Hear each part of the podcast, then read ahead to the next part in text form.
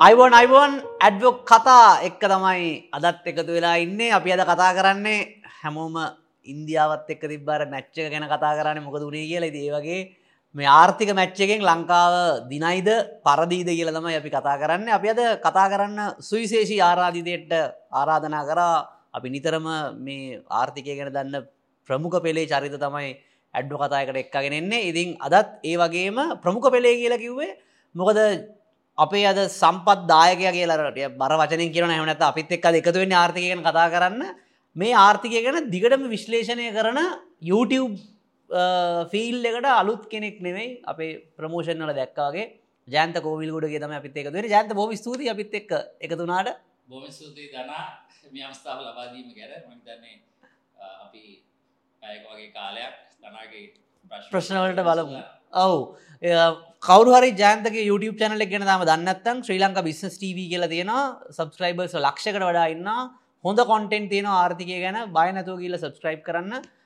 Facebook එක TikTok එක තින්නවා ඒක නිසා අපි නිතරම් බලන්න වෙර ආර්ථිකය ගැන තියෙන දැනුම වර්ධනය කරන්න.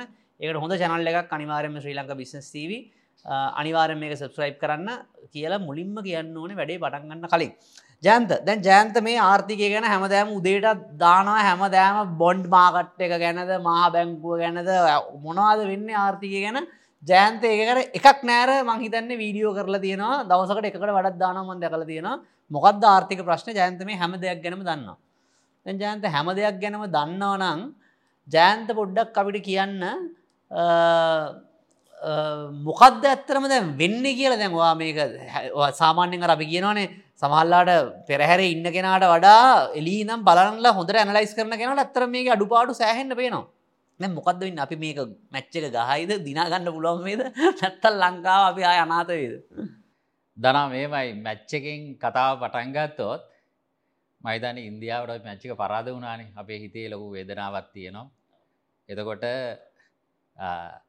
දැ ක්‍රිකට් ගත්තහම ක්‍රිකට් කියන ක්‍රීඩාව කාලයක් තිස්සේ වෙනස් වුනානේ අරවින්ද සිල්වා ඕස්ට්‍රේලියාවත් එක්ක එදා අනුහයි ලෝක කුසලාන අවසාන මහා තරගේ ගහපු ඉනිං එක එකැන ඉනිම පිළිබඳව අපිට අදටත් පුදුමාකාර ආඩම්බරයක් ඒවගේම පුදුම චමත්කාර ජනක අතීත මතකයක් තියෙනවා.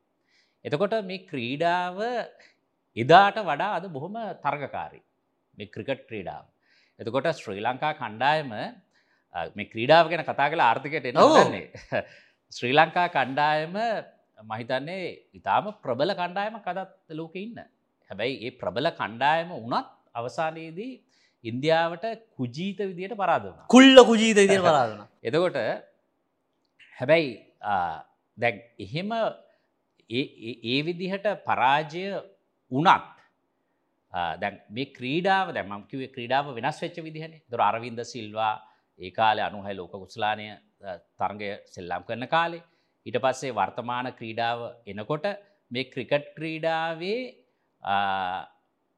අලුත් අලුත් ප්‍රවණතාවය නැවිල්ලතින එහෙම ඇවිල්ල තමයි මේ ජයග්‍රහණ ලබාගෙන දැ උදාහරනැක් විදර කිවොත් අනුහයි ලෝක කුස්ලාන අපි කොහොද දින්නේ? කලූ සහ ජයසූරිය ලෝකෙ ක්‍රිකට් ක්‍රීඩාවට අලුත්ම නවෝත්පාදනයක් ගෙනාව. ගෙනහැල්ල අවුරු මුල්ල ඕවර් පහලවේ මයිදන්නේ කවුරුවත් හිතුවේ නෑ අපේ කණ්ඩායම මෙහෙම කලු එක පැත්තකින් ජයසුරය එක පැත්තකින් ගහනව හැම ටීම් එකටම පුදුම වේගයකින් ඒ මුල්ලෝර පහලව අපි ලකුණු රැස් කරන පටන් ගත්තන. ක්‍රිකට් ක්‍රීඩාව පටන්ගත්ත ඒවා ඉපදුණු රටවල්ලට හිතාගන්න බැරුණ මේ විදිහේ මේ ඉනෝවේෂන් එකක් මේ ක්‍රීඩාවට කොහොමද කරේ එහෙම තමයි ක්‍රීඩාව ජයග්‍රහණය කරේ. එම නැතුව දිනන්න බෑ. මේ ලෝකෙ කිසිම දෙයක් එහෙම දිනන්න බෑ දනම් මේ පවතින තත්ත්වයක් එක්ක. අපි ආර්ථකයට ආවොත් අපේ ආර්ථිකය මේ තරගේ නෑ.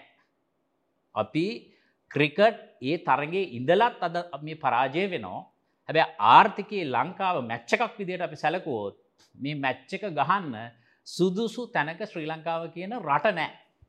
දොට ඒ රට එහෙම නැතිවුණහාම අපි කොහොමද මේ ආර්ථික තරගේ දිනන්න කියලන ඇහැව්ේ එක දිනන එක ලේසි නෑ දනා. අපි අවංකව කතා කරන්න ඕනනේ. අපි අවංකව කතා කරොත් අපේ රට ප්‍රධාන වශයෙන්ම මේ ලෝක ආර්ථිකය තුළ මේ ලෝක ආර්ථික තනගේ මැච්ච එක ගහන ඒ කණ්ඩායම් ලෝකයේ තියෙන ප්‍රබල කණ්ඩායම් එක බලනකොට අපි ඒ ලේ ලෙවල් එකේ නෑ අපි ලෙවල් එකට පළවෙනි වශයෙන්ම රටක් විදිහට එන්න ඕන එක තමයි පළවෙනි කාරණය. එතකොට අනිත් එක තමයි මේක දීර්ඝ අපි කැනෙ බොහොම ගැඹුරින් විග්‍රහ කළ බැලුවොත් ශ්‍රී ලංකාව දූපතක්. තොර ශ්‍රී ලංකාව දූපතක් නිසා අපිට නිසර්ගයෙන්ම ලැබුණු දායාද බොහෝ ප්‍රමාණයක් තියෙන.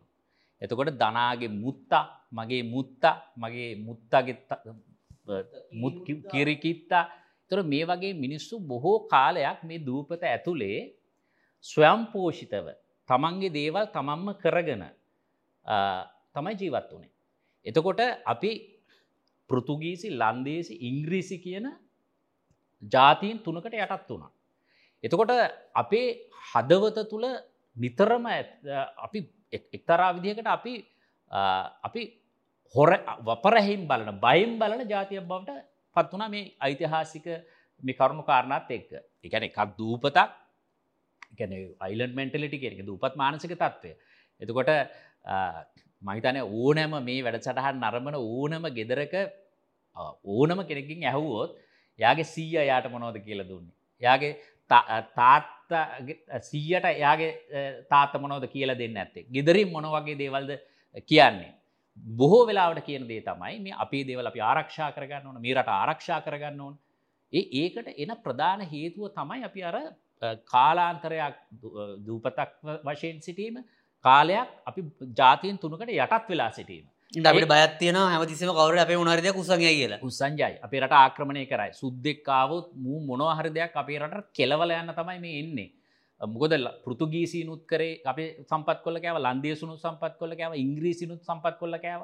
එතකොට අපේ මිනිස්සු සටන් කරාමයටරීම සටන් කරල ගිහිල්ලා මෙහෙම තමයි අපට නිදහස දිනාගත්තේ. මේ තුළ අපේ සමාජය තුළ තියෙනවා හැඟීමක් එක පැත්තකින් බයක් තියෙනවා ඒ සාධහරණයි එක එක පැත්තකින් මුද අපේ ඇතිවෙච්ච තත්ත්වය.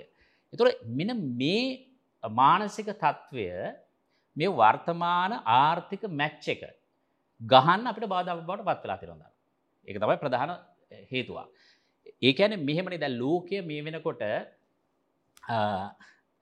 දැන් අපි ආර්ථික විද්‍යාවම කතා කරොත් හිංගකම කියන එක තමයි මේ ආර්ථික විද්‍යාවේ පදනම බවට පත්වෙන හිඟකම ලෝකෙ මොනවද හිඟ නැත්තේ කාලය හිඟයි.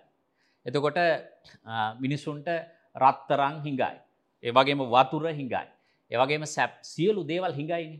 එතරම හිඟකම කියන මේ ප්‍රශ්නයක් එක්ක මිනිස්සුන්ට තෝරා ගැනීමක් කරන්න සිද්ධ වෙනවා. එතර තෝරා ගැනීමක් කරනකොට අපිට ඒ අර විකල්ප අවස්ථාවන් අතුරින් තෝරා ගැනීම කරන්න සිද්ධ වෙනකොට අපිට මේ හැමදේම හැමෝටම ලැබෙන්නේ නෑ ඒ හැමදේම හැමෝටම ලැබෙන්නේ නැති නිසා අපිට තරඟ කරන්න සිද්ධ වෙනවා. එතොට තරඟ කරන්න අපි ජාතියක් විදිහට තාම සූදානම් නෑ එක ඇතර මෙමයි යම්කිසි එක්තරා තරගයක් තියෙනවා තමයි හැබැ ලෝක මේ තරගය ඊට වඩා ප්‍රබල තැන්ග තියෙනවා. ජියෝ පොලිටික්ස් තියෙන්නේ.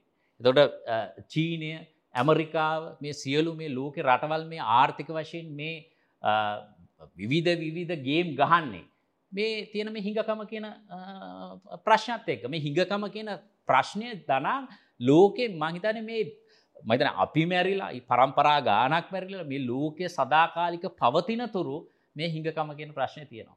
තුර හිඟකම කියන ප්‍රශ්නයක්ත් එක්ක එක කෙනෙක් ගාව යම් කිසි දෙයක් තියෙනකොට තව කෙනෙක් උත්සාහ කරන්නේ ඒ දේ කොහොම හරි තමන් ගාවට ගන්න. මොකද මේ සම්පත් සියල්ල සීමිතයිනේ එතකොට යම්කිසි කණ්ඩායමක් යම්කිසි දෙයක් අත්පත් කරගන්න උත්සාහ කරන එක සමරකට ඉගෙනගෙන ඉංජිනේරුවෙක් වෙනවා දොස්තර කෙනෙක් වෙනවා චැනල් කරනවා පෝලිමේ එනෝ මිනිස්සු ලෙඩ වෙනෝ සල්ලි දෙනෝ ඊට පස්සේ සල්ලි අරගෙන ගිහලා සාක්කුවේ දාගෙන ගිහලා BMW ගන්නවා ඊට පස්සේ මාලිගා වගේ ගෙවල් හදනවා. ඒව බලන් ඉන්න මිනිස්සු කියනවා මෙන්න මිනිස්සු මෙන්න සල්ලි මෙච්චර හොයනවා මෙච්චර හොයනවා. හැබැයි මේක තමයි මේ ලෝකයේ මේ වන විට නිර්මාණය වෙමින් තිබෙන මේ ආර්ථික තරගය. එතකොට දැන් අපි මේ පෞද්ගලික කුඩා කුඩා මිනිස්සු ගැන කිවේ. හැබැයි ලෝකය තුළ මේ වන විට මේ නිර්මාණය වෙලා තිබෙන මේ ක්‍රමය මේක තුළ මේ ජාලයට ලංකාව සම්බන්ධ වෙන්න ලොකු මැලිකමක් දක්වනවා. එතකොට ඒ ජාලයට අපි සම්බන්ධ වෙන්නේ නැතුව අපිට මෙහෙට සම්පත් ගේන්න බෑ වැඩිපුර. තොට අපිට වැඩිපුර සම්පත් ගේන්න බැරුව ධනය ගේන්න බැරුව ධනය උත්පාදනය කරන්නේ නැතුව අපිට මේ ආර්ථික ප්‍රශ්න විසඳගන්න අමාරු. එතකොට ඒ විසඳ ගන්න සුදුසු ඒ මැච්චක ගහන්න සුදුසු තැනක ලංකාව තාමත් රටක් විදිහට නැහැ කියන එක තමයි මට මේකට ප්‍රවේශක් විදිහට මුලින්ම කියන්න තියෙන්නේ. හොඳ ජහිත ජයන්ත පැහැදිලි කර මොකක්ද හිඟකම තමයි ආර්ථය විද්‍යාව පදනම ඉතින් ඒ හිඟදේ වෙනද ගොලත් එක සම්බන්ධුන් නැත්තම් අපිට ඉස්සරහට යන්න බෑ. ජයන්ත දැ ලංකාවට හිඟදේවල් අතරින් වැඩිපුරම හිඟ එකත්තමයි ඩොලර්. මහිතන්න හැමදිස්සම හැමෝම ගෙනවා ඩොලර් නෑ නෑ ඩොලර් නෑ ඉලතම හැමෝම කියන මන්දක ජයන්ත වීඩියෝ එකක් කල්ල තියෙනවා. මේ ඇත්තරම මහ බැංකුව ඩොලර් අර අපේ දැන් ඩොලර් වලට තියෙන මිලනේ ඔය විනිම අනුපාතිකය කියල කියන්න. ඩොලර එකක් සල්ලි කඩෙන් ගීල කවන්ටරෙන් ගන්නවන රුපියල් කියක් ගන්න ඕනද කියෙන තොර ජයන්ත කියල තිබුණට මහබැංකුව දැන් අප්‍රේල් ජුනි මාසේ ඩොලර් වලට විකුණපු ඩොලර් වලට වඩා වැඩි ප්‍රමාණයක් විකුණවා. ජූලි මාසේ ඊට වඩා මහිතර ඩොලර් මිලියන එකසිය හැත්ත ගානක් මට මතක විදියට විකුණල තිබ්බා. අගෝස්තු මාසේ. එතකොට ජයන්ත දැන් මේක මොකද වෙන මට මතක විදිට කලින් පාරත් අපි ගිල්ල තාප හපගත් වගේ. සංචිතවල තින ඩොල හොම විකුණ විකුණ වෙලද පොට දාලා එක පාටම මහබැංකොත්තරගෙන අපි ඩොලර නෑ කියල. එතකොට මේ ෆුල් මේ වෙන මොකක්ද දැජයන් ඇත්තර මෙන්න එක හරිද? මොකක්ද වෙලා තින්න ඇතරම ඇතරම දේශීය විනිමය වෙළඳ පොළ ඉතාම කුඩයිනි ලංකාවේ. එකන්නේ මේක මේ ලෝකෙ වෙන රටක විනිමේ වෙළඳ පොළ විදිර විනිමේ වෙළඳ පොළත් එක බලකට බොහම සුළු විනිමය වෙළඳ පොළක්. එතකොට මහිතන්නේ දනාමක හොඳරම දන්නවා මේ විනිමය අනුපාතය කියන්නේ රුපියලේ අගය තීරණය කරන්න දේශය විනිමිය වෙළඳ පොළ තුළ තියෙන ඉල්ලු මහා සැපයුම කියන දේ බලපාන. ඇතුළ ඉල්ලු මහා සැපයුම කියන දේ තුළ ඉගැන ඉල්ලු මහා සැපයුම කියල කියන්නේ අපි ඩොලර් කොච්චර වෙළඳ පොලේ තියෙනවද ඒ ඩොලර් සඳහා කොච්චර ඉල්ලුමක් තියෙනවද සැපයුමක් තියෙනවද එතකොට ඒ මත තීරණය වෙන මිලක් තමයි මේ වෙළඳ පොලේ තීරණය වෙන්නේ.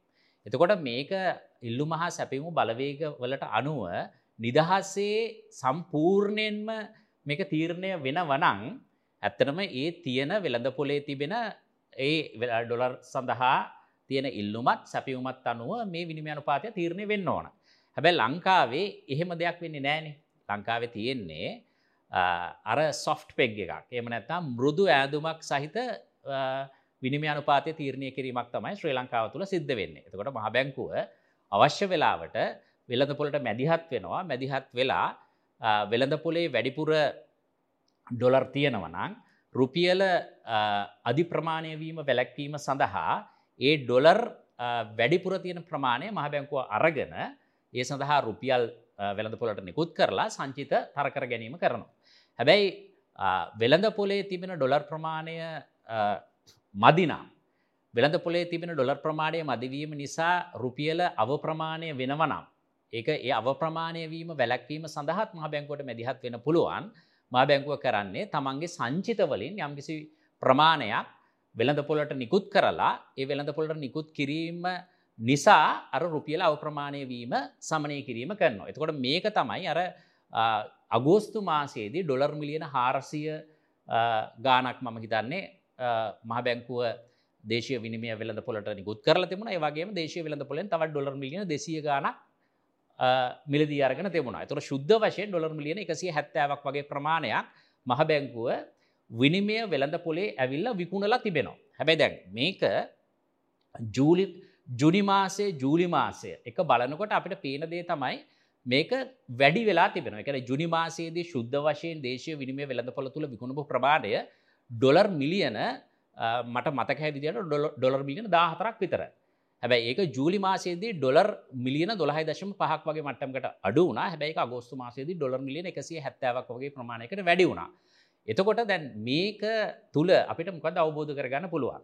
අවබෝධ කරගන්න පුළුවන් දේ තමයි මේ රුප එකක් තමයි දේශය විනිමය වෙළඳ පොළ ඉතාම කුඩයි. අපේ ප්‍රේෂණ ආදායම යම්කිසි ප්‍රමාණයකට වර්ධනය වෙලා තිබුණ. හැබැයි අර තිබුණු ලෙවල් එකට එකන ඉස්සරලාපු මාසකට ඩොලර් මිලියන හයිසීයක වගේ මට්ටමකට වැඩි වෙලා නෑ ඊට පස්සේ අනිත් පැත්තෙන් අපනයන යුරෝපය ඒවගේම ඇමරිකා වගේ රටවල් වල තිබෙන ආර්ථික අර්බුදත් එක්ක අපනයනවල පසු බෑමක් තිබෙනවා.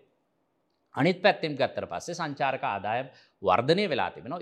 ඒ හැර ලංකාවට එහම ලොකු ඩොලර් ආදායමක් විනිම ආදායමක් එන ක්‍රමයක් නෑනි දන එකැනේ ඔය ඔය ටික තම එන්න රෝල් කර ඔටික තම ඉස්සරහට අරගෙන යන්නේ හැබැයි දැන් ජාත්‍යන්තර මූල්‍ය අරමුල IMF එකත් එක තියෙන ගිවිසුමත් එක්ක අපිට හිතෙන දේ තමයි හිතන දේදවේ අනිවාර්යම ඒක තිබෙන ඒ ගිවිසුමට එළඹීමත් එක්ක මේ ගොඩක් දේවල් නිදහස් කරන්න සිද්ධ වෙනවා. එතකොට නිදහස් කිරීම මත ඉම්පෝට ඩොල ඩිමාන්්ඩ එක වැඩි වෙන්නත් පුළුවන්. එතකොට දැන් ඔයි කොහොම වුණත් අවසානයේදී අපිට හිතන දේ තමයි මේ රුපියල මත තිබුණට වඩා පීඩනයක්. එකන ප්‍රෙෂර් එකක් ආව කියන එක තමයි ජුනි මාසේ ජූලි මාසයට වඩා අගෝස්තු මාසයේදී මහ බැංකුවට ශුද්ධ වශයෙන් විනිමය වෙළඳ පොලේ ඩොලර් විකුණන වුණු ඩොලර් ප්‍රමාණය වැඩි වුණා කියන එක. කියන්නේ ඩොලර් මිලියන 170ව 14 ඉඳලා ඒක 12 ඉඳලා 170කට වැඩි වුණා කියන එකෙන් පේන්නේ මහ බැංකුවට ඒ කියන්නේ මේ රුපියල මත තියෙන පීඩනය මේක අර එනවා ඇඟට මේක කන්ට්‍රෝල් කරගන්න ඕන හැබැයි කන්ට්‍රෝල් කරගන්න එකට විසඳුමක් විදිහට තමයි මේක කරලා තියෙන්නේ. හැබැයි ධනාහපු ප්‍රශ්නේ මේක හැමදාම කරන්න බෑ නේද කියන එක. ඇත්තටම ගිය ආණ්ඩුව මේක ලොකු චෝදනාවක් එල්ල වෙනවනේ. අපේ ඩොලර් බිලියන 7ක 8ක වගේ ප්‍රමාණයක් තිබිලා සංචිත විදිහට මේ විදිහට රුපියල ආරක්ෂා කරගන්න දේශීය විනිමය වෙළඳ පොලේ මේ සංචිත විකුණලා මේක ලොකු වරදක් කරා කියලා ඇත්තටම මේක කරන්න බෑ. එක ගැන දිගින් දිකටම අකණ්ඩව මහ බැංකුවකට මේ විදිහට ඇවිල්ලා එහෙම කරන්න බෑ.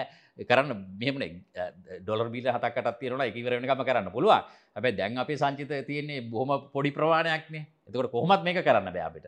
එතර කොහොමත් කරන්න බෑ.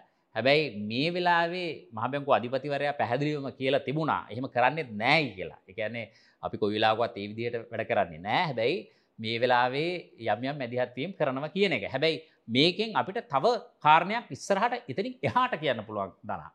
ඒක තමයි මේ දැ ආර්ථිකයක වැදගත් වෙන්නේ මොක ආර්ථිකයක වැදගත්වෙන් දැන ස්ටැබිලිටි කියනක වැදගත්න්නේ අපි ගොඩක් වෙලාවට දැන් අපි ලිබියාව වගේ වෙන්න සිම්බාභ්‍ය වගේ වෙන්න ආර්ථිකය කඩාගෙන වැටෙන්න එහෙම ගිහිල්ලා අපි කොහොම හරි මේක බේර ගත්තා එක අපි පිළිගත යුතුයි.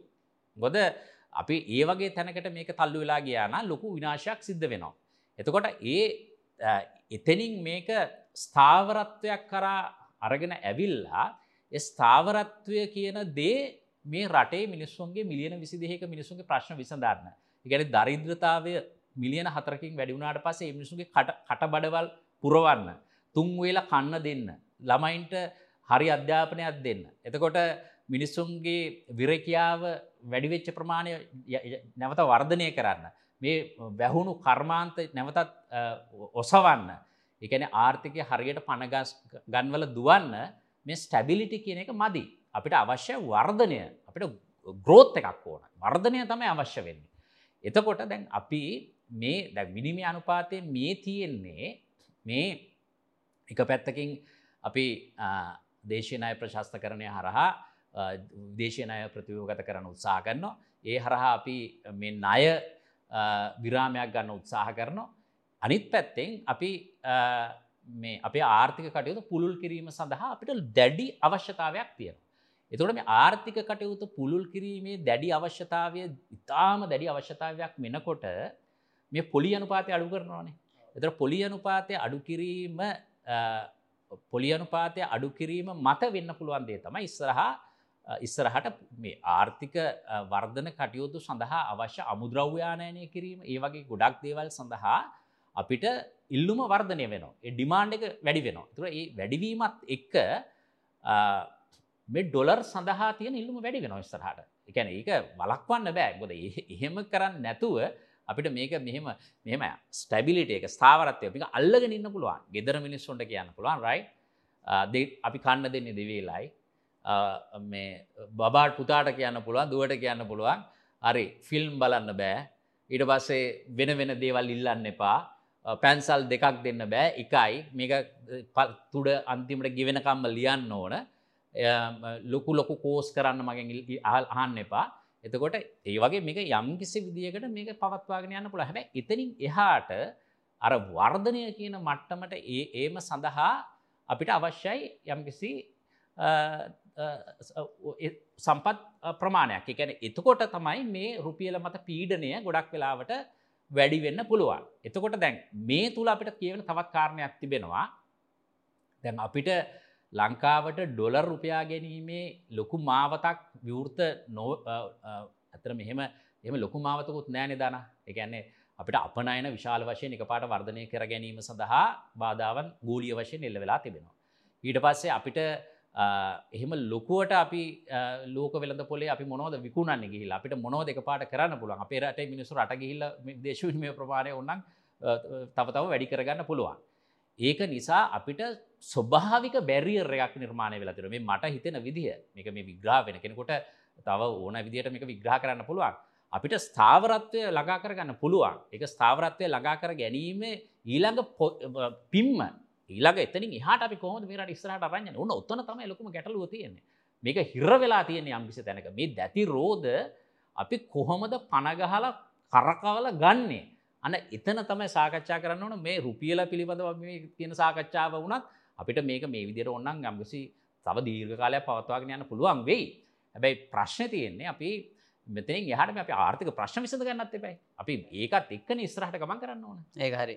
අපිට ගැන්න තින මහබැංක ඔයා වරදක් තමා කරනවා කියල තමයි කියන්න තියන්නේ. වැඩි වැඩියෙන් සල්ලි විකුණ එක. ඉතින් මේ තත්ව යනු වෙන්න පුළුවන් කරන්න. නමුත් මේක දිගටම කරන්න පුළුවන් වැඩක් නෙවී කියලම ජයන්ත කියන්නේ. ඊට පස්ස ජන්ත දැන් දේශයනය ප්‍රශස්ත කරනය ගැන කියපු නිසා පොඩ්ඩක් අපිට පැදිරි කරමුතු ජනතාවට දෙම හිතන ඔක්කොමල්ලනියන් රි කියන්නේ අන්දොස්සලාවගින් කියන්නේ දැන් EPF එකෙන් සල්ලි කැපෙනවා කියලා කිව්වා. එතකොට ඒනත කැපෙනවා කියලා කියන්නේ EPF එකට බලපෑමක් වෙනවාකුව දැන් ඊට පස්සේ දේශීය ණය සම්පූර්ණ වුණා කියලා කිව්වා. බැඳුම් කරවලට අලුත් බැඳුම් කර වර්ග 12ක් නිකුත් කරා කියලා කිව්වා. ඇත්තටම දැන් මොකද්ද මෙතන වෙලා තියෙන්නේ? එතකොට සමහරව ඇවිල්ලා අහනවා දැන් විදේශීය ණය දැන් එතකොට ප්‍රතිව්‍යුහගත කරේ නැද්ද? ඔයගොල්ලෝ දේශීය විතරද කරන්නේ? දැන් මොකද්ද ඇත්තටම වෙලා තියෙන්නේ කියලා පොඩ්ඩක් ජනතාව දැන් මොකද සමහර කාලයකට කලින් කියපු නිසා ඒක අමතකත් වෙලා දැන් ගොඩක් කාලෙට විදේශීය ණය ප්‍රතිව්‍යුහගත කරනවා කියපු එකත් අමතක කියලා දැන් මොකද්ද කියලා පොඩ්ඩක් අපි ජනතාවට පොඩ්ඩක් අරන් එමුකෝ. මොකද්ද දැන් ඇත්තටම තත්ත්වය කියලා? දනා මේකයි. පළවෙනි කාරණය තමයි අපි මේ වගේ දේවල් මේ දේශපාලන කෝණයෙන් තොරව තමයි බලන්න ඕන. එක ඉතාම දැඩිව අවධාරණය කරන්න ඕන කාරණයක්. මේ දනා මේ ශ්‍රී ලංකා විිස්නස් ටීවී ගැනකිවනේ ඔය දේශීය අය ප්‍රතිවහගත කිරීමේදී ගොඩක් වෙලාවට මේ සමහර දේශපාලන නියෝජිතයෝ කිව්වහම මේ බැංකු ඉවරයි. බැංකු ඉවරයි කියලා කියනකොට මම මම එතකොට මස්කෙලියේ ගමනක් යනකොට මම වීඩියෝ එකක් දාලා මේ කිව්වා ශ්‍රී ලංකා බිස්නස් ටීවගේ එහෙම වෙන්නේ නෑ. බැංකු බංකොලොත් වෙන්නේ නෑ. බැංකුවලට එහෙම ගැටලුවක් වෙන්නේ නෑ. තැන්පතු ගන්න යන්න එපා. ඒක ඉතාම මම ඒ වෙලාවේ කියන මිනිස්සු එහෙම දැඩි රැල්ලක් නිර්මාණය වෙනකොට මම එහෙම ප්‍රකාශයක් කරේ පුදුමාකාර අභියෝගයක් බාරාර්ගෙන හදිසිවත් බැංකු බංකොලොත් වුණන මහිතන මට පාරබෑලයන්න බෑ. ඒ ඒ ලෙවල් එකට පත්වෙන ඕනේ හැබැ දනා මම එහෙම ප්‍රකාශයක් කරේ අපි මේ රට ගැන අබමල් රේනුවක හරි ආදරයක් තියෙන මිනිස්සු විදිහට එක කියන්නේ අපි දේශපාලන පක්ෂෝට බෙදිල හිටිය. අපි මොන මතය දැරුවත්. අවසානයේදී මේ රටේ මේ සියලු ප්‍රශ්න ගැටලුවලට අපිට එකට තමයි මුහුණ දෙන්න වෙන්නේ. එතකොට ආර්ථික අර්බුදය කැන ඒ තරම් දරුණු ප්‍රශ්නයක් ඒක කොලද රතුද නිල්ද කියලා බලාගෙන ගෙවල්ලට වදින්නේ නෑ. එක විදිහට මේ ප්‍රශ්නය හැමෝටම බලපානො.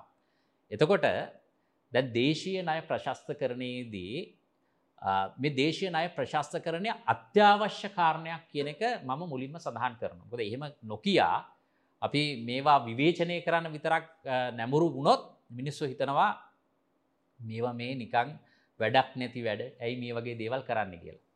දේශයනය ප්‍රශස්ත කරණය කරන්න ඇයි අපි මෙ සරලව කියල දෙන්නත් එපෑ. ඒගැන්නේ අපේ ආණ්ඩුව කියන බංකොලොත් කම්පැනියන්නේ එතර මේ බංකොලොත් කම්පැනිය එක ඩොලර් බිලියන අසූ එක වෙනස් වෙනවා කාලෙන් කාලට. ඩොලර් බිලියන අසූ හතක අසූ අටක ලොකු ණය කන්දක් කරගෙන තියෙනවා. එතොට මේ බංකොලොත් කම්පැනිය. මේ බංකොලොත් කම්පනිය කරපු දෙයක් නෑ. මේ ණය අරගෙන මොනවද කරලා තියෙන මිනිස්සු ඒ ගැන අමුතුවෙන් කියන්න ඕනේ නැහනේ. ඒතකොට විදේශීය ණය 150ක් මේ ඩොලර් බිලියන 87ක වගේ ප්‍රමාණයෙන් 150ක් දේශීය ණය.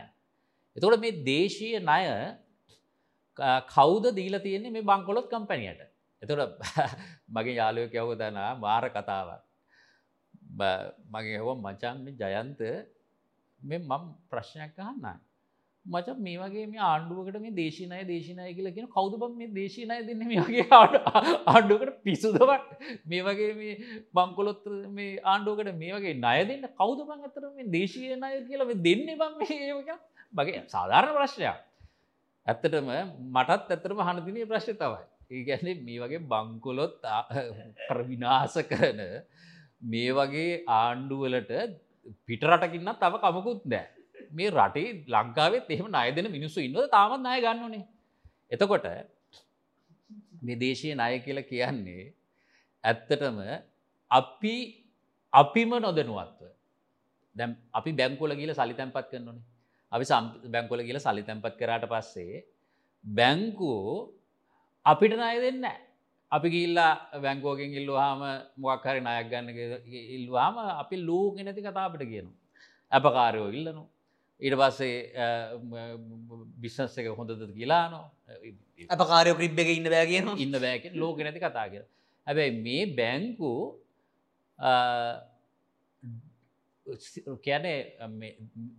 මේ දේශීය ණයවලින් එකන්නේ දේශය ණය ඩොලර් බිලියන අපි කියමු හතලිස් දෙක වගේ ප්‍රමාණයක්. ඒ හතලිස් දෙකක වගේ ප්‍රමාණයෙන් සියයට හදලිස් හතරක් වගේ ප්‍රමාණයක් දීල තියෙන්නේ මේ බංකොලොත් බිස්නස්ස එක කරන්න බැංකු. එතර බැංකු දෙන්නේ අකාගේ සල්ලිද. බැංගු දෙන්නේ අපේ සල්ලි.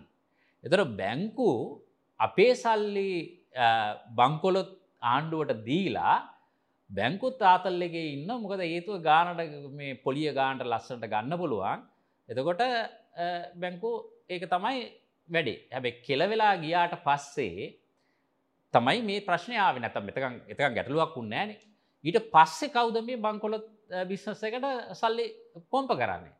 අපේම සල්ලි EPF එක ETF එක සියට හතලිස් දෙකක් අතලිස් තුනක් ETF එකෙන් EPF එකෙන් තමයි සල්ලි දීලා තියෙන්නේ. හරි. දැන් දේශීය ණය ප්‍රශස්ත කරණය කියලා කියන්නේ දැන් මේ බංකොලොත් ආණ්ඩුව දැන් කියනවා මේක දැන් මට දැන් දන්නවනේ විදේශීය ණය ගෙවා ගන්න බැරි වුණානේ.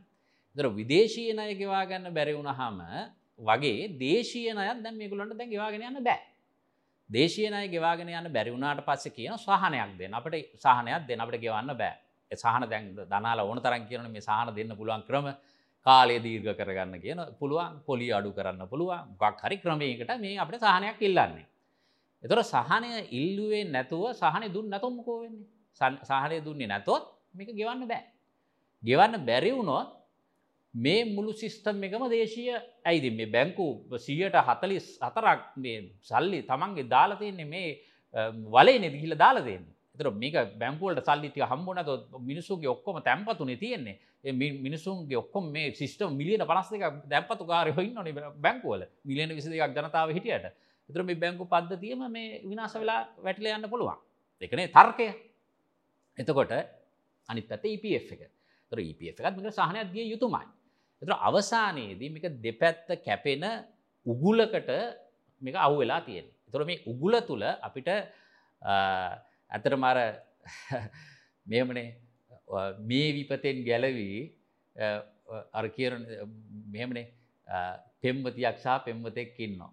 එතකට පෙම්වතා සහ පෙම්වතිය ඉන්නකොට මහා සාගරය මැද මේ මහා කුණාටුවක් එනවා. මහා කුණාටුව එනකොට එක්කෙනෙක් කියන ඔබ මේ විපතෙන් ගැලවිලා යන්න.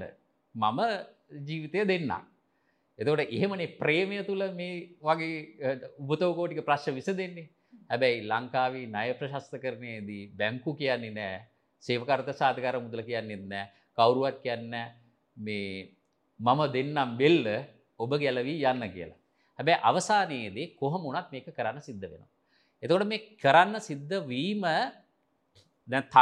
විවාදය තමයි ඇයි බැංකුවලට ඒ බර දැම්මේ නැත්තේ ඇයි සේවක අර්ථසාධක අරමුදලට විතරක් දැම්මේ. එතකොට දනා දැන් මම කෙබුදේ ඔට පැහැදිලි කැනෙ දේශීය ණය කියනදේ ප්‍රශස්ත කරණයට භාජනය නොකරානම්. ඒක මේක තිරසාර භාවයකට පත්කරගන්න මේක කරන්නේ. එහෙම නොකොරොත් මේ අර්බුදය මීට වඩා උත්සන්න තැනකට නොම්කොද අපි අපි මේ වලේ වැටිල ඉවරයි. ඒ වලේ වැටිලා ඒ වලෙන් ගොඩ එන්න දෙක් කරන්නම සිද්ධ වෙනවා.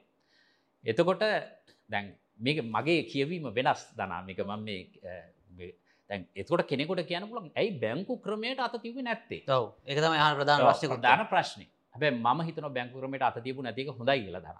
මගේ අදහස. ගොද හේතුව අපේ රටේ සාමාන්‍ය ජනතාව ගැන අබමල් රේනුවක දැනුවත් තියෙන. අපේ රටේ මිනිසුගේ ජනමනස ගැන අබමල් රේනුවක දැනුමත් තියෙන. මේ ජන විඤ්ඥානය ගැන අබමල් රේනුවක දැනුවත් තියෙන මනුස්සයකුට එක පාටම ඇතිවෙන්න පුළුවන් හැඟීම තමයි අපේ රටේ මිනිස්සු බැංකුවලට අත තිබ්බා කියලා යම්කිසි හැඟීමක් හෝ ප්‍රවෘතියක් ඇති වුණොත් මේ බැංකුවල පෝලිං ගැහිලා මේ ATM මැසින් ගාව පෝලිම් ගැහිල සල්ලි නොගන ඉදීද දන. එකන්නේ මේ ප්‍රශ්නය ඇත්තටම ඒ විදිර සරලව විස දෙයිද මමනං හිතුර එහෙම සරලව විසඳ දෙන්න.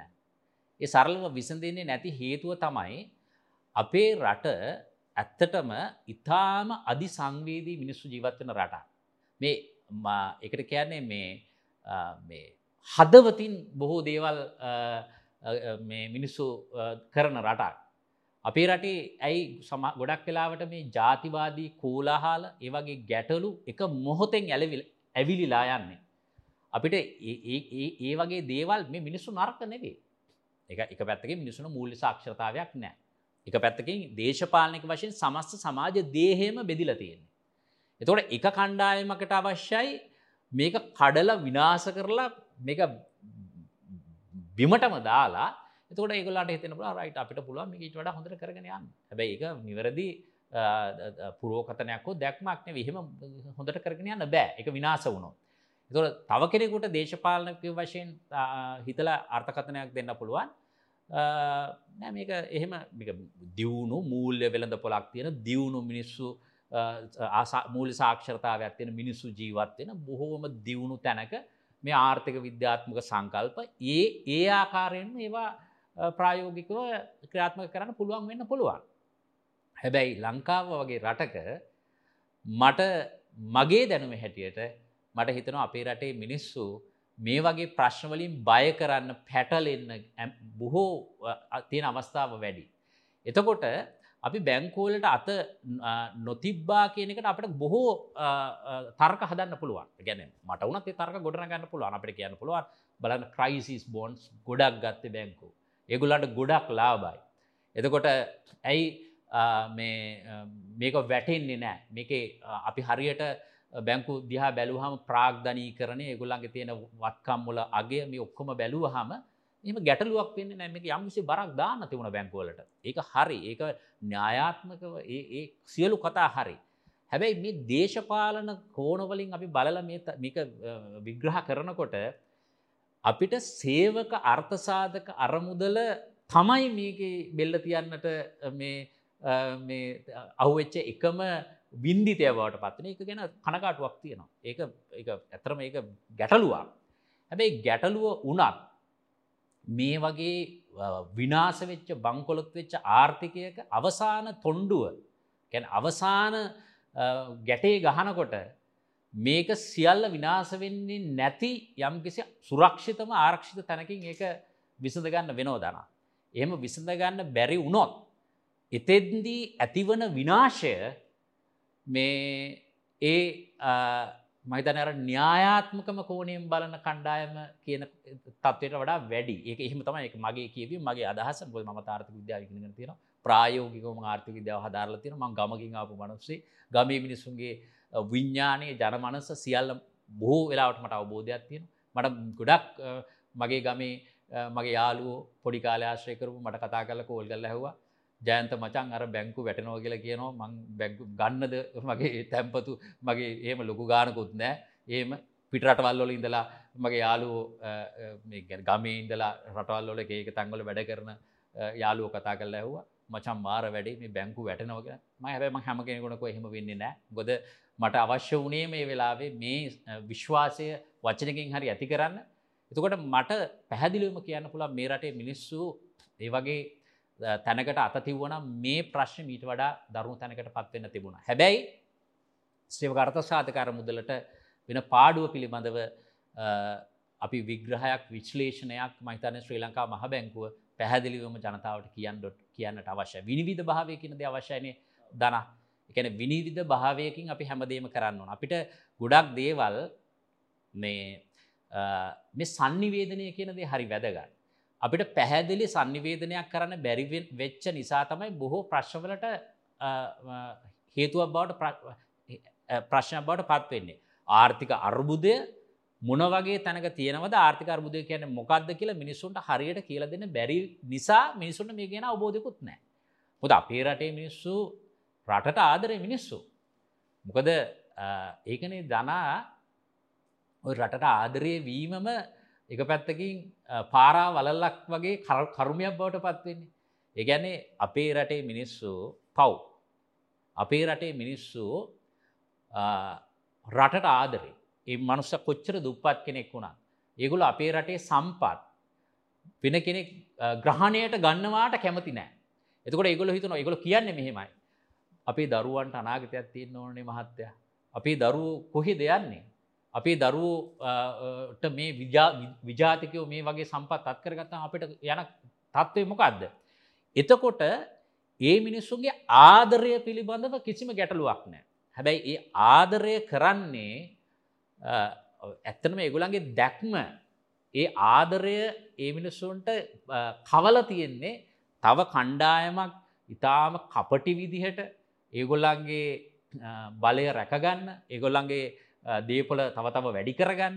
ඒගොල්ලන්ගේ සැප සම්පත් දිගින් දිගටම බුක්ති විඳින්න නම් මේ ලෝක තත්ත්වය වහලා අර ඉතාම අවංක මිනිස්සු කණ්ඩායමක් මෝඩයෝ ගොන්නු කරගෙන මේ ගමන ඉස්රහට යනවනම් එතකොට ඒ තුළ ඇතිවන ඒ සමාජ අසාධාරණය. එක ඉතාම දැඩි ඉතාම ලොකු අසාධාරණය ගොද එමිනිස්සු කාලයක් තිස්සේ එමිසු හිතර අපි ආදරය අපි රට වෙනුවෙන් මේ දේ කරන්නේ. හැබැ එමිනිස්සු දන්නේ නෑ. අපි මේ ඇඳලා ඉන්නේ මේ දාගෙන ඉන්න තොප්පිය මේ ඇඳලා ඉන්න මේ දේ යකෝ අපිට මේ බොරුවට මේ මිනිස්සු දාලා තියෙන මේක එහෙම නැතුව මේ මුන් අවංකෝම දාපු දෙයක් නෙවෙයි ඒ මිනිස්සු එක පිළිගන්න අවබෝධ වෙන දවසකට මේ ක්‍රමය වෙනස් වනො දනා. එතකොට ද සේවකර්ත සාතකර මුදල වුණත් ඒ ජයන්තමං අතුර කෑලා එකතු කරනක දික්මට ඇත්තර මොකද මේකටලා තියෙන පාඩ? මොකද කියන කොච්චරද පාඩු? මොකද මහබැංකු අධිපතිතුමා මහිතන කෝප් එකට පාර්ලිමේන්තුවේදී කිව්ව යම් කිසි ප්‍රතිශතයක්. එතකොට තවත් පාර්ලිමේන්තු මන්ත්‍රීවරුසා විධ දේශපාලන පක්ෂෝන්ගේ කෝනවලින් විධ අදහස් පල කර. ඩොක්ට විජේවාදනත් එක් ජයන්ත කරපු සාකච්ඡාවත් බැලුව සමන් එතුමගේ කොළමත් කියව එතුමා එක අගයක් කල්ල තින මන්දන්න මේ ගණනය කරදි ඒක විදිට අපිට ගණනය කරන්නත් පුළුවන්. ඒ ගණනය කිරීම ක්‍රම වෙනස්සෙන්න්න පුළුව ජයන්තක තක්සේරු මොකක්දත්තන අපික දන්නවද නැත්ත ඇතන අපි දන්න මෙහෙම ඇතරම මම දන්නේ නෑ දන තක්සේරුව මගේ තක්සේරුවක් නෑ. බොද මේ ඉතාම සංකීරණ ඒක වෙනම කළ යුතු දේවල්. එතකොට හැබැයි අපි මෙහෙම අපිට මේක කියල දෙන්න පුළුවන්. ඒ ඇනේ ශ්‍රී ලංකා මේ පාඩුවක් සිද්ධ වෙනවා. දොර ශ්‍රී ලංකා මහ බැං බරු කියන්න නද කිසිම පාඩුවක්න මේ හොති බටත්තර හොඳ වගේ කියන්න වශ ඒකනේ අමකිවේ මේ මහ බැංකුව මේ පිළිබඳව සවිස්තරාත්මක විශ්ලේෂණයක් රටට අවංකව කියන්න ඕන කියලා. ගැන මේක දේශපාලන ගේම එකක් වගේ වහලා අනි පැත්තර හරවන්න එක එක වැරදි. එම කරන වනං එම එම කරනව කියන එක නෙවෙයි. පැමික අවංක වෙන්න ඕන මේ වගේ ප්‍රශ්නවලදී. තොට ශ්‍රී ලංකා මහ බැංකුවේ අධිපතිවරය සඳහන් කරපු දේ තමයි මේ සියට දාහතරය බද්ධ මෙමයි. සියට දාහතරය බද්ධ කොහමත් යටත් වෙලා තියෙන පාර්ලිමෙන්තුව නීතියක් ගෙන හලා සියට සියට දාහතරය බද්ධට යටත් වුණා. හැබැ සියට දා තිහේ බද්ධ විකල්පයක් බවට තිබුණා සියට තිහේ බද්ධ සහ දාහතර බද තමයි විකල්ප දෙක බවට පත් වනේ කොට විකල්ප දෙකින් වෙන දෙයක් තිබුණේ නෑ කොහමහරි මේක කොටු කර ගැනීම තමයි අවසානය සිද්ධ වනේ. වැයි සියට දාහතරය බද්ධ තුළ සියට හතරක විතර පාඩුවක් වේ කියල තමයි මහ බැංක අධිපතිවරය සඳහන් කරේ ඒ වගේම සියට තිහක බද්ධට ගියා නම් සියට විසි එකයි දශම හයක විතර පාඩුවක් සිද්ධ වේ කියලා. එතවට ඩොක්ට විජයවර්ධන මහිතන්න ලංකාවේ විශිෂ්ටතම අපි හැමෝම ගරු කරන ඉතාම දෙස් විදෙස් කීර්තියට පත්වෙච්ච ආර්ථික විද්‍යාඥය. ඔහු සඳහන් කරපු දේ තමයි මේ සීයට දාහතරි බද්ධ තිබුණු බද්ධ ඊට පස්සේ දැන් දේශීය අය ප්‍රශස්ත කරණයක්ත් එක්ක සීට දාහතර බද්ධට පැමිණීමත් එක්ක අර්ථසාධක අරමුදල සාමාන්‍යයෙන් පාඩුව රුපියල් බිලියන දෙසිය හැත්ත හතරක් වගේ ප්‍රමාණයක පාඩුවක් සිද්ධ වෙනවා. එතකොට ඒක අනාගත ආයෝජනය කරන්න පුළුවන්ගේ බිලියන දෙසිය හැත්ත හතර අනාගතයේ ඒක ආයෝජනය කරාට පස්සේ ඒක ඒ සියට අටේ පොලියට. එකන්නේ දැන් උද්ධමනය සියට හයක වගේ ප්‍රමාණයක තියාගන්න කියල තම මහ බැංකුව විශ්වාස කරන්නේ. එතොට ඒකට මූර්ත වශයෙන් තවත් සියට දෙකක් විතර ඇත් කරහම සියට අටේ පොලියට ඒ රුපියල් බිලියන දෙසිය හැත්ත හතර ආයෝජනය කරාට පස්සේ රුපියල් බිලියන එදදා එකසිය පණහක් වගේ ප්‍රමාණයක් රැස් කරගන්න පුළුවන් උපයාගන්න පුළුවන් කියන තක්සේරුව තමයි තියෙන්නේ ඒ විදිහට බැලූහාම සියට තිස්තුනහ මාරක විතර බද්දක් මේ සේවකර්ත සාධකාර මුදල මත පැට වූවා හා සමානය කියනක තමයි ආචාරය වේ විජයවර්ධන මාත්මය සඳහන් කරන්න. එතකොට දොට විවිධ අර්ථකතන. දොර මේ අර්ථකතන මේ ඒ තුළ ඇතිවෙන කතිකාව තොරේ කතිකාව තුළ අපට කොහොමත් දැන නොපාඩුවක් සිද්ධ වනාගෙන හැබැයි මෙතන මම තව දෙයක් මේකට ඇඩ් කරනවා. ඒ දේ තමයි දැන් අපි මේක බලන්නේ දැ මතු පිටින් EPF එකට කොච්චර පාඩුවක් සිද්ධ වනාද. EPF එකට හැබැයි මේක කරේ නැත නැත්නම්. එතන මේ තුළ ඇතිවෙන්න පුළුවන් විනාශය සහ ගැටලුව ඒක හා මේ පාඩුව මේ දෙකම විකල් පවස්ථා දෙක විශ්ලේෂණය කරලා රටක් විදිහට සමස්තයක් විදිහට අපිට මෙහෙමනේ අපිට අර ආර්ථික විද්‍යාවේ හිංගකම තෝරා ගැනීම විකල් පවස්ථාව. එතර විකල් පවස්ථාව තෝරා ගැනීමට ධෛර්ය තියෙන් ඕන විකල් පවස්ථාව තෝරාගන්න බැරිනම් අපිට මේ ගමන යන්න බෑ. එතකොට මේ හැම තෝරා ගැනීමක්ම මේ ආර්ථික විද්‍යාව ශුද්ධ විද්‍යාවක් නෙවේ දන ආර්ථික විද්‍යාවේදී ඔබ නිර්වචනය කරන දේ මට තව විදිහකට නිර්වචනය කරන්න පුළුවන්. එතකොට මේ ඒකනේ ඒකන මේ විවිධ මතවාද තියෙන්නේ.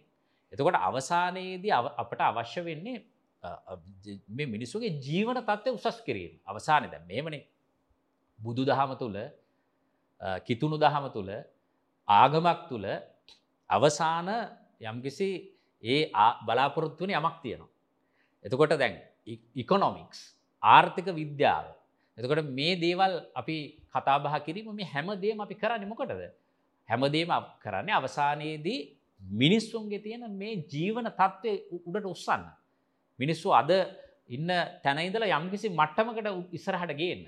එතකොට මේක සාර්ව කෑලි කෑලි ගලවලා නහය හොඳයි ඇස් දෙක හොඳයි එහෙම කියනවට වඩා මේ සමස්ත චිත්‍රය පිළිබඳවන අපි බලන්න ඕන. එතකොට අපි ලොකු දැවන්ත අර්බුදයක ඉන්න රටක් විදිහට ඒ දැවන්ත අර්බුදයේදී අපි අවසානයේදී මේ මිනිසුන්ගේ ජීවන තත්ත්වය සමස්තයක් විදිහට රටේ ඉහළ දැමීම සඳහා මේ ගත්ත තීරණය නිවැරදිද වැරදිද කියන ඒ සාර්ව පින්තූරයනුත් මේක දිහා බලන්නවා එක තමයි මම මේකට යෝජනාවක් විදිරයට ඇඩ් කන දේ. හොඳයි අපිට ප්‍රශ්න තියෙනවනම් කියන්න ජයන්තර රිජුව මුකරන්න හතන සමහර ප්‍රශ්නම ඇව සමාරු එකනෙ කාල තිබුණා කියන්න කියලා මේ රුපියලට ඇතිවන පීඩනය ගැන. මහිතන මංඒක ඒ විදිහටම යොමු කර. ප්‍රශ්න තියනව යොමු කරන්න අපිට තියෙන වෙලාවත් එක ජයන්තකින් ඒ ගැන හන්න පුළුවන්. ජයන්ත ඉටවස්සමට අහන්ඩ තියෙන කතන්දරය තමයි සේවකාර්ත සාධකර මුදලේ කතන්දරේ ජයන්ත කිව්වා. දැම් මේ IMF එකත් එක්ක තව කට්ටියට මහිතන පැහැදිලි දැන් තියෙනවා මේ මේ අපිට ලැබෙයිද? මේකින් අපිට මොකක්ද මෙතන වෙන්න කියලා. ඒගන පොඩ්ඩක් කියමු දබේ ගැන්නේ මේ මේකෙන් පිට පනීද අපි පිට පනින්න තුයයිද මේ ඊළඟ වාරිකය ලැබෙයිද? පොඩ්ඩක් අපි ගැනත් කියමු දනා ඉස්කෝල යන දරුවෙක් මේ ඉස්කෝල යන දරුව ඉන්න අම්මල තාතල් මේ හොඳටම දන්නවා. දැන් හෝම්වර්ක් කරන්න කිව්වාම ගෙදර මේ ඒක හරියටම තිතට හෝම්වර්ක් කරලා ගෙනහැල්ලා දෙමව්පියන්ට හෝ ගුරුරුන්ට පෙන්නලා ඒ විදිහටම කරන ළමයි ඉන්නවා ඉතාම අතලොස්සයි. හැබැයි ඒ දරුවෝ ගොඩක් වෙලාවට තමන් සෙල්ලං කරන මේ ළමයි බොහම කෙලිලොල් ජීවිතනය ගත කරන්නේ.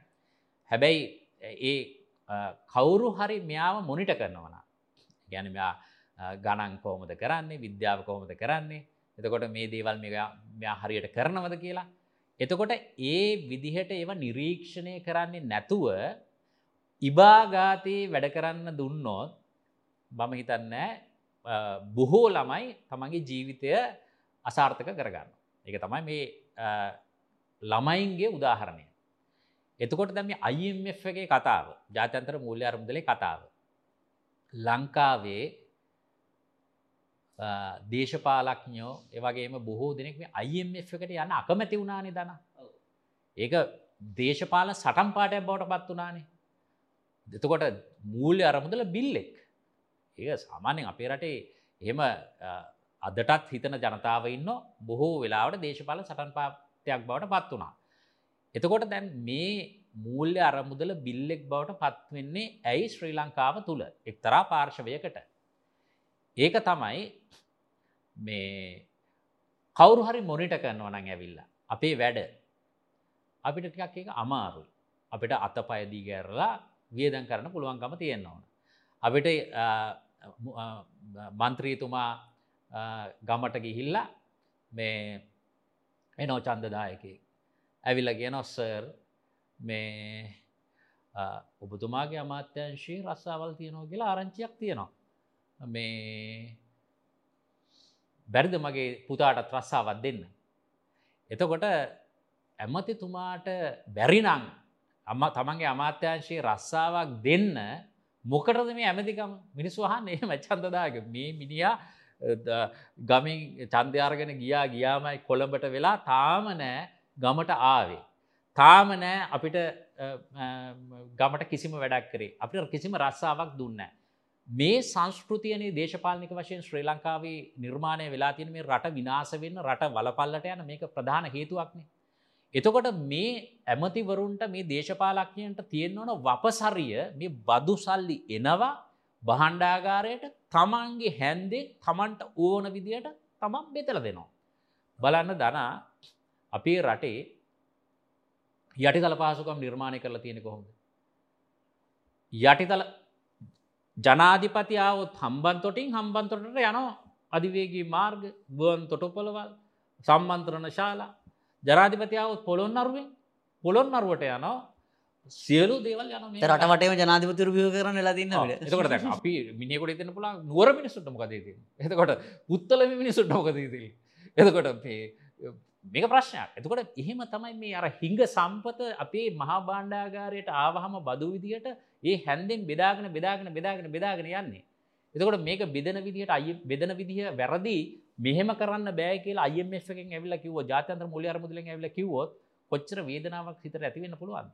ඒක ලොකු ප්‍රශ්නයක් බවට පත් වෙනෝනේ. එතකොට මේ සියලු සමාජ මතයන් නිර්මාණය කරන්නේ මේ දේශපාලනය ඒ විදිහට නිර්මාණය කරන ඒ කණ්ඩායම තමයි දේශප මතය නිර්මාණය කරලා ඒ ඒ තැනට එන්නේ. තුර IMF එකට මම හිතන්නේ මීට කලින් ගයානම් මේ ප්‍රශ්න මීට වඩා සරලව ගොඩින් බියර ගන්න තිබුණ. එතුට IMFට යන්නේ නෑ කියලා යන්නේ නෑ කියලා අපි ඒ අවස්ථාවත් දැඩිව සඳහන් කර දනා ඔබටත් මතක ඇති. මුල් අරමුදලට කියල මේ ප්‍රශ්න සරලව ගොඩින් බේරගන්න තොට රට බංගොලොත් ලා තිබුණේ නෑ හැබැයි රට අන්තිමට කියල වෙලා මේක බංගොලොත් වෙලා නයගවාගන්න බැරුව නිකං අර මහපාරට වැටුනට පස්සේ මුල්‍ය අරමුදලට ගිය. තර මූල්‍ය අරමුදලේ මේ වෙන විට මේ තියෙන මේ තත්ත්වත් එක්ක මුලර්මුදල කියනවා. අර අර කොන්දේසි ලංකාවේ අපි කියන කොන්දේසි ඒ ගැන හරියට වැඩක් කරපන් කියලන කියන්නේ. එතුර කියනවා. තෙල් මිල ලංකාවේ සහනාධාර විදියට තෙල් දෙන්න එපා. ලංකාවේ මිනිස්සුන්ට සහනාධාර විදියට මිනිස්සුන්ගේ බදු සල්ලි අරගෙන මේ මේ නිකං වැඩ වැඩක් නැති වැඩ කරන්න එපා. එතකොට ඉගොල්ලො කියන ආදායම වැඩි කරගන්න. එතර වියදම් කළමනා කරණය කරගන්න. එතකොට මේ මේ දේවල් කරන්න. එතකොට ඒ මත යම්කිසි අර මන්දක්ක රිපෝට් කාඩ්ඩයක් වගේ එකක් මේ මේකේ මේ ඇඩ්වකාටගෙන් නෙවේ වෙරිටකින් කල තියෙනවා IMF ට්‍රැක එක. එතුට ඒ ප්‍රගති වාර්තාව අනුව ඩොලර් බිලියන දෙකයි දශම නමයක මුදලෙන් ඩොලර් මිලියන තුන්සියකට ආසන්න පළවෙනි වාරකය. ඊට පස දෙවනි වාරකේ මේ දවසල ප්‍රගති සමාලෝචනය තියෙනවා. බොහෝ වෙලාවට මට හිතන එක ලැබේ ලංකාවට කියලා. කියන්නේ ඒක සමහරයට ප්‍රමාද වෙන්න පුළුවන් යම්කිසි කාලයක්. හැබැයි ප්‍රමාද වුණ දෙවනි වාරක ලැබේ කියලා. ඇතරම දනම් මෙතන තියෙන මේක IMF කියන එක IMF බිල්ලෙන් නෙවෙයි. IMF කියන ආයතනය වැදගත් වෙන්නේ මේ හරි නොමග ගිහිපු ට්‍රැක් පැනපු ඒන්නේ අමුතු ආතල් එහෙක හිටපු නිකන් මේ රට කාපු සෙට් එකකට මේක අවුල්. එතකොට IMF එක කියන්නේ බල එහෙම කරන්න එපා. බල මේ දුප්පත් මිනිසුන්ගේ සල්ලි ගෙනහැල්ලා ලැජ්ජ නැද්ද මේ විදිේ පිස්සු කෙලින්න කියල යහන්නේ එක වෙන භාෂාවකින් අහන්නේ. හැබැයි මිනිස්සුන්ට ආදරය ආදරය කවන්නේ මෙහෙමනේ. ඔයි ගංවල ඉන්නවා ප්‍රේම කරන කාලේ එනෝ කැන මෙහෙමයි. ප්‍රේමය කියන එක හැම වෙලාවෙම අවංක ප්‍රේමය මත සියලුම දේවල් සාර්ථක වෙන්නේ නෑනේ සමහරක් වෙලාවට කොල්ල ලස්සනයි. දැක්ක හමනිකා ශාරුක්කාන් වගේ. ඉට පස්සේ මූ බලනො රයිට් කෙල්ල මට කැමති මට හැබ ප්‍රශ්නය තියෙන බට සල්ලි තමයි මට අවුල තියෙන්නේ. එපාර කොයි හරි කාර්සෙල්ලකින් හරි සොරි කාර්හය කරන තැනකින් හරි වාහනයක් ට්‍රෙන්ට් එකට අරගෙන ටස් මොක් හරි කරගෙන ඇවිල්ලා ආවහම කියන මේ මේ කාරයකින් ආවෙනේද වඩ සල්ලිහෙම හොඳට ඇති. ඉට පස්සේ ඔවෝ සල්ලියෝලින් ප්‍රශ්නයක් නෑ ඒම ගැටලුවක් නෑ ඉට පස්සේතින් මේ ප්‍රේමය ඉස්රහට ගලාගෙන යනෝ කසාද බඳිනෝ? ආදරය නැතියෙන්නේ දැ ආදරය අවසානයේදී අර ආර්ථිකය අවුල් වෙන්නකොට ආදරය පස්සුදරින් පැනලදුවන වගේ මේ කඩාකපල් වෙන මෙව ලෝකේ සාමානය සිදුවීම දරම් මේ ප්‍රයෝග උදාහරණ. එතකොට මේ දේශපාලනය දේශපාලක්ඥා විසින් නිර්මාණය කරපු ආදරය. එකන්නේ දේශපාලක්ඥාත් මෙන මේ වගේ තමයි මේ මිනිස්සුන්ට ආදරය නිර්මාණය කරන්න. එකන්නේ අපේ මන්ත්‍රීතුමා සිරාපොරක් එක කෝල් එකයි මචන් දෙන්නේ පට පටගාල වැඩ මිනිහ ගෙන එහෙම මේ කිසි අවුලා මේ එතකොට මේ හරි ක්‍රමයට වැඩ කරන මන්ත්‍රීවරයා හෝ දේශපාලක්ඥයා මේ ක්‍රමය තුළ දනා නිකං සෞත්තු වැඩක් නැති වැඩක් කරන්න බැරි මිනිහ බවට පත් කරලා තියෙන්නේ. ඒ කියන්නේ එක තම මේ රටේ විනාශ වෙන්න ප්‍රධාන හේතුව. IMF එක වගේ ආයතනයක් විධිමත් විදිහට වැඩ කරනකොට ඒ වගේ ආයතනයක් බිල්ලෙක් වෙන්න. ඒවගේම අවිධමත් විදිහට දැන් පාර්ලිමේන්තුවේ මම කියන්න ඕනේ නංගවලින් මට ඕන කියන්න පුළුවන්. හැබැයි එහෙම කියන එක සදාචාරාත්මක නැතිනම් මට කියන්න මම කැමති නෑ සමහර නිකන් ඉන්නනේ නිකං හැමදාම දිනන මේ සෙට්ට එකක්. ඒ සෙට් එක කුරුණෑගලින් වෙන්න පුළුවන් කළුතරින් වෙන්න පුළුවන්. ඒ වගේ හැම තාම දේශපාලනය කිසිම වැදගැම්මකට නැතිව එහෙම දිනලෙන සෙට්ටක් ඉන්නවානේ. ඒ එන්නේ විදිමත් නැති කිසිම ආදායමක් වියදමක් ගණනය කරන්න නැති මිනිස්සුන්ගේ බහබාණ්ඩාගාරයට එන බදු සල්ලි තමන්ට හැ ඕන විදිර හැන්දෙන් බෙදාගන්න පුළුවන් මේ පජාත සිිස්ටම් එක තියෙනකං හොඳයි. දුර IMF එක වගේ ආයතනයක් ඇවිල්ලා මේක හරියට මොනිට කරලා මේ විදියට ඉස්රහට ගිහිල්ලා මේ කරන වැඩසටහන තුළ වැදගත් වෙන්නේ අපේ රටේ ආර්ථිකය ඊළඟ ස්ටෙප් එකට උත්සන්න අපිට එක පැත්තකින් යම්කිසි විනයක් නිර්මාණය කරගන්න අපිට යම්කිසි උත්ප්‍රේරණයක් ලැබෙන අපිට ඒකට අපි කැමති නැත්තන් අපි ඒකට සුදුසු අපි ඒකට සූදානම් නැත්තන් අපිට ඊළඟ ලෙවල් එකට මෙරට උසන්න බෑ. අපි මේ හැමදාම හීනයක් තමයි දකින්නේ. එහම නැතු අපිට මේරට ස්රහට ගෙනියන්න බෑදාන එතකොට අපි පුරුදු වෙන්න ඕන එක අපි මේ පෝලිමක් පනින්නේ නැතුව තැනක ගිහිල්ලා බෙහෙට්ටිකක් ගන්න. අපි යම්කිසි තැනක ගිහිල්ලා හරි ක්‍රමයට වැඩක් කරගෙන එන්න. මේ රටේ මිනිස්සු ඉගෙන ගන්න ඕන. එතකොට ඒ ක්‍රමය උගන්නන්න ආර්ථිකයටත් වෙන රටක වෙන තැනක යම් කිසි කණ්ඩායම අපට ඒක ලබා දෙන එක ආශීර්වාදයක්. එතකොට ඔබ කිව්වේ දැන් IMF එකේ දෙවනි වාරකය බොහෝ වෙලාවට ලැබෙන්න පුළුවන්. හැබැයි IMF ගාව කියලා රට රට හදන්න බෑ. IMF එක මේ තුල මේ වැඩසටහන තුල සිටීම තුල අපිට ජාත්‍යන්තර මූල්‍ය වෙළඳ පොළවල් වලට විශ්වාසයක් නිර්මාණය වෙනවා. කසිප්පු කාරයා කුඩු කාරයා මූ පුනරුත්තාපනය වෙලා ඉන්නේ මූ ඉස්සර අපෙන් සල්ලි ඉල්ලගෙන මූ කුඩු ගැහ්වා කසිප්පු ගැහ්වා මෙලෝ වැඩක් කරේ නෑ අපෙන් ඇවිල්ල ආපහු සල්ලි ඉල්ලනෝ දෙන්න නෑ මූට මූ ආපහ කුඩු ගහන අප කසිප් ගංජ ගහන කසිප්පු ගාන ඒක හින්දා විශ්වාසයක් නෑ ඒ වගේ මිනිියකොට සල්ලි දෙන්න. එතකොට අපි IMF වැඩ ඒ මනුස්සය ගැන දනා ඇවිල්ල මට කිවොත් මෙහම මිනිහෙක් ඇවිල ජයන්ත මූ මචන් දැන් හොඳයි. මුදැන් ඉස්සර වගේ අප්සට් නෑ. මං බලන දනා හොඳයි. දනා කියනක මට පොඩ්ඩක් විශ්වාස කරන්න පුළුවන් කියල මම දෙනවා අර පොරට කියක් හරි. ඒ වගේ මටමට ලංකා වැටිල මේ අපිට ලැජ්ජ වෙන කාරණයක් අපි ලෝක ලැජ්ජ විචරටක් දරයි ලැජ්ජාව තුළ අපිට යම්සි සහතිකයක් මේ අය මෙෆිකද නෙ සහතිකය දීලා කියනවා රයි් මුන්දැන් හොඳයි. මෙම වෙනතට වඩා වැඩ හරියට කරගෙන යන එතකොට අපිට මේ ඩොලර් බිලියන් දෙක දශමනම මේ රට කොට දන්න බෑ ඩොලර් බිලියන සූහතක ටයක් තින රට ඩොලර් බිලියන් දෙක දශමනමකින් ගොඩදාන්න පුළුව නගේක පිස්සු කතාවක්න මේක තුළ නිර්මාණය වෙන දේ තමයි දනා අපිට ජාතන්ත්‍ර මූල්‍ය වෙළඳ පොළවලට යන්න පුළුවන්. එතකොට කෙනෙක් අහන්න පුළුවන් බලට මේ ණය ගන්න එක ගැනද ණය ගන්න එක ගැනමද කතාව? ණය වලින් එහා දෙයක් නැද්ද? යකෝ ණයනේ ඊළඟට ආපහු මූල්‍ය වෙළඳ පොළවලට ගියා කියන්නේ. ඒක ඇත්ත. අපිට ණය ගැනීමේ හැකියාවකුත් තියෙනවා. ඒ ණය ගැනීමේ හැකියාවක් නැතුව මේක මේ රෝල ගහගෙන යන්න බෑ. ඉතින් එතනින් එහාට කොහොමද මේ රට කොට දාගන්නේ? දැන් මූල්‍ය අරමුදලට රටක් හදන්න බෑ කියලා මම කිව්වනේ. දැන් අපි කතා කරන්න ඕනේ ඒක.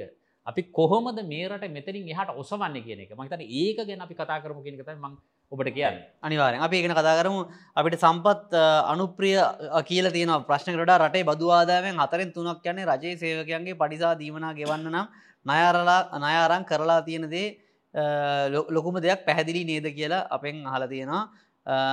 අපිට තව ඔවු අපි අනිත් කෑලට පේසාකච්ඡාව අවසාන කොටසත් හිද යන්න නිසා let's know about the exchange rate forecast and T-bills T-bond forecast කියලා තව අපින් අහලා තියෙනවා. ඊට පස්සේ uh, thought on debt repayment heard till uh, sorry uh, thought on debt repayment heard it will be 3 to 4 billion dollars.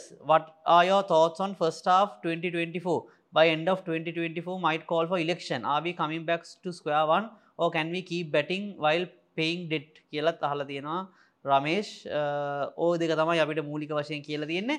අපි නමුත් මං කැමති ජයන්ත කියපු කතාවට යන්න. ඊට කලින් ජයන්ත ඉතා කෙටි උත්තරයක් මං කැමති අපි දැන් මොකක්ද අයම එක නැතුව රටහදන්න කොහොමද කියලා අනකට වඩා කියන්න. දැන්ගර දේශීයනය ප්‍රශස්ත කරනයේදී බැංකු අතෑරියනේ. ජයන්ත එක පැදිලි කර අතරපය කොහොද කියලා. දැන් අලුතින් යෝජනාව කලතින හෙනම් බජට් එක බැංකු එකන තෝරගත්තු කට්ටියට වදක් ගහමු කියලා. ඒක ජයන්තමොකත් හිතන්නේ ගැන? ඕ ඒක ඇත්තටම එක ගැටලුවක් නෑ. එකන තෝරා දැ මෙහෙමනේ බැංකු මේ වෙලා මෙමයි බැංකු කිව්ව හමත් දනා ඒක ගැනත් මගේ විග්‍රහයක් තියනවා. එක අපි අවංකව කෙලින් සඳහන් කරන්න ඕරනේ මට අවශ්‍යනෑ බැංකු බේරන්න. මට අවශ්‍යනෑ මේ බැංකු මම කිව්වේ පැහැදිලිවම අපේ රටේ තියෙන මිනිස්සුන්ගේ තියෙන ඒ තත්ත්වත් එක් බැංකුවලට වාසියක්කාව මේ දේශනය ප්‍රශස්ත කරනයේදී. ඒ වාසිය දැන් බැංකුවලට ඇවිල්ල තියෙන්නේ.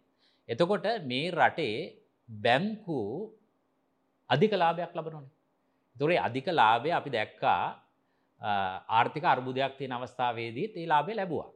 එතකොට හැබැ රටේ මූල්‍ය ක්‍රමය ස්ථාවරත්වයක් තිබිය යුතුයි බැංකු රටේ ශක්තිමත් නැත්තම් එක ස්ථාවර නැත්තම් අපිට අපේ රටේ අනාගතය මූල ශේත්‍රයේ අනාගතය මේ ආර්ථික කටයුතුක පිළිබඳව අපිට ඒක අවශ්‍යමයි ස්ථාවර භාවය.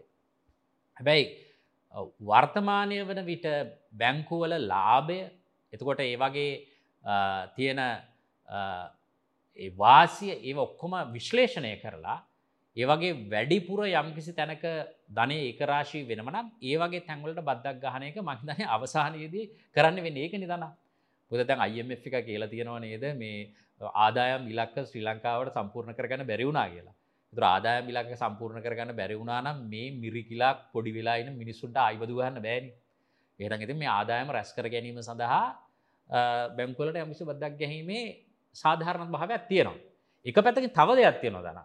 ඒක දේ තමයි මේ ආර්ථිකර්බුද එන්න කලින් කතාව මට මතකයි මම යුනිසිටකින් එලියට ඇවිල්ලා දෙදස් දෙක වගේ කාලේ දස් වන වගේ කාලේ මම ඒ කාලේ ලංකා ව්‍යාපාරිකපුවත් කියලා ආර්ථික විද්‍යා වැඩසටහනක් රූපවාහිනි ජාතික රූපවාහිනි සිංහලෙන් කරා.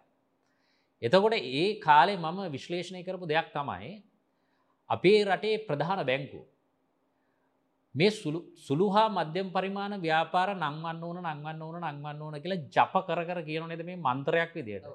තොර හිතරනේ මිනිස්සු අම්මට උඩු මේ මාර කැමති බැංකු සුළුහා මධ්‍යම පරිමාණ ව්‍යාපාරණන් වන්න ඇප කැප වෙලා ඉන්නේ මේ ලෝන් ස්කීම්ස් තියනවා ඉති මේ පුදුම ඒවා බොහොම බොරු කතා මේ දනා.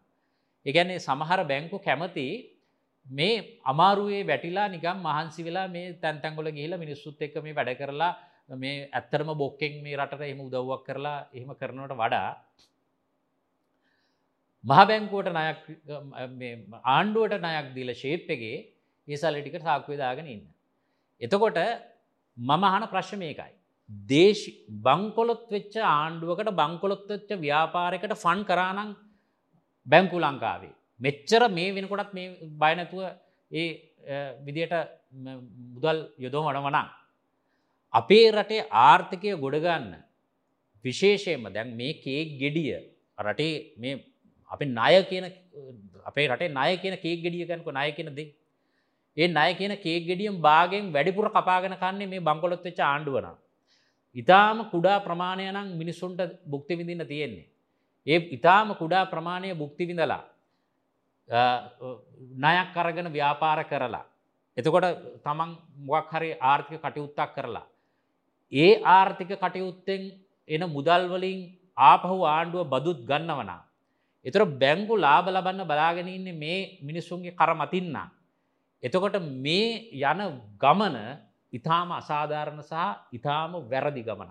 රටක බැංකු මීට වඩා විචක්ෂණශීලී සහ පුළුල් විදිහට මේ ආර්ථිකය දිහ බලන්නවා. ආර් බැංකුවලට වගකීමක් තියෙනවා බැංකුවලට ලොකු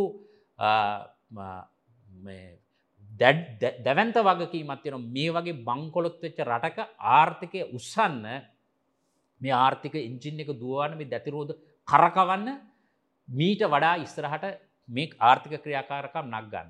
පොලි අඩු කරන්නේ නෑ කියලත් බැංකුවට පොලි අඩු කරන්නේ නෑ කියලත් බැංකුවලට තියෙන ඒක එක වෙනම මං කියන්නම්.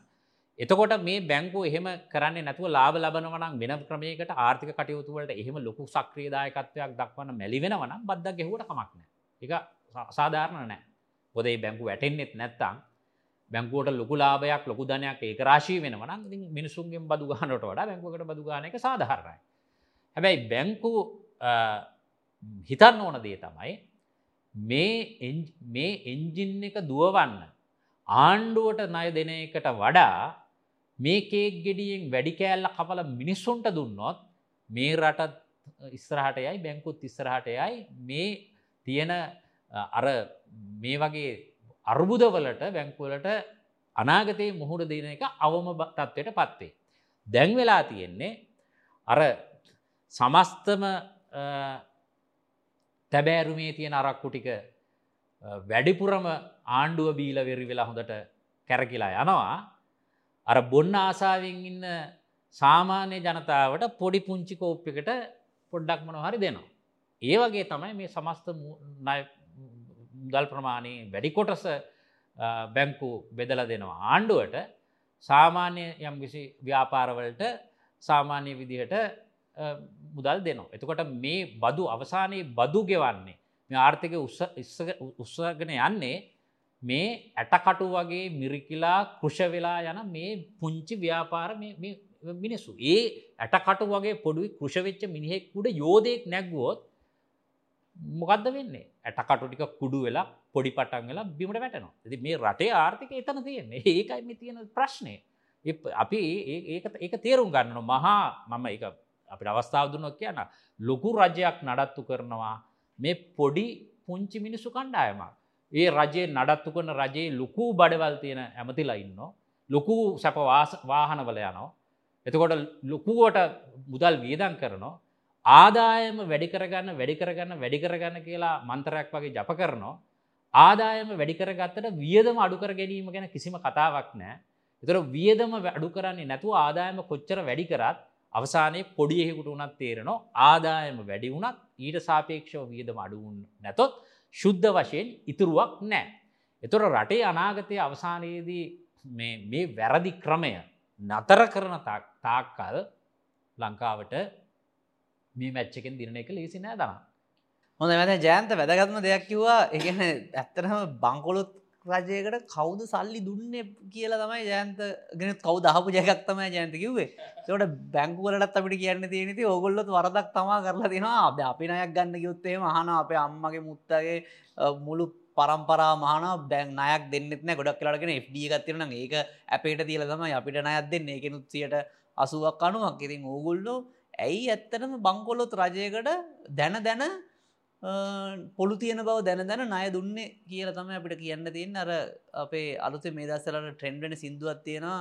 ඒ සින්දුව හැටියට බැංකුවල ඇන්ටිල අංකල්ලත් සුදුරදි හෝදගෙන එන්න කියලා තමයි අපිට හිතන ජනතාව වැඩි කල් යන්න කලින් කියන්න. ඔගොල පොලි අඩු කරන්නෙත් නෑ.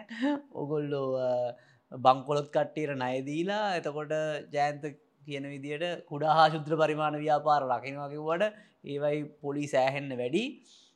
ඉතිං එහෙම එකක් තියෙනවා කියලා තමයි කියන්න. හැබැයි පොඩ්ඩක් මීට වඩා මංහිතන්න හැමෝම හිතර බැලුවොත් හොඳයි. අපිට තේරුණ තව ගැටලු තියෙනවා. නමුත් අපි ගැන ඉස්රට කතා කරමු.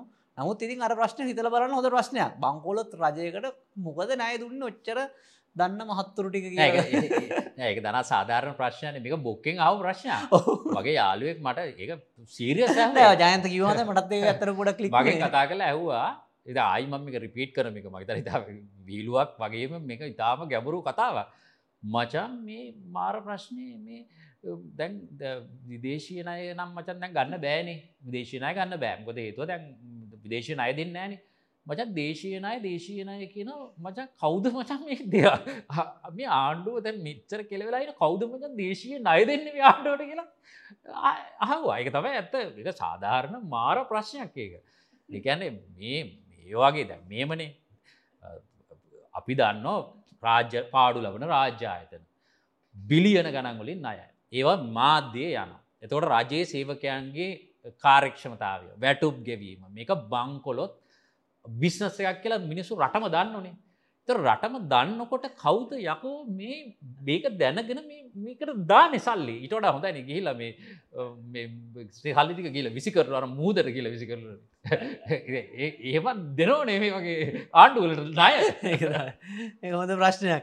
ජයන්ත අපි කතා කරම අර අවශ්‍යක දැන් ඇත්තරම අයිF එක නැතුව දැ මේක ඉස්සරහට අරං යන මොනාද ජයන්ත මෙතන පලවෙනි අවස්ථාවතිකිව ලෝකෙත් එක් අපි සම්බන්ධ වෙන්න ඕන කියලා.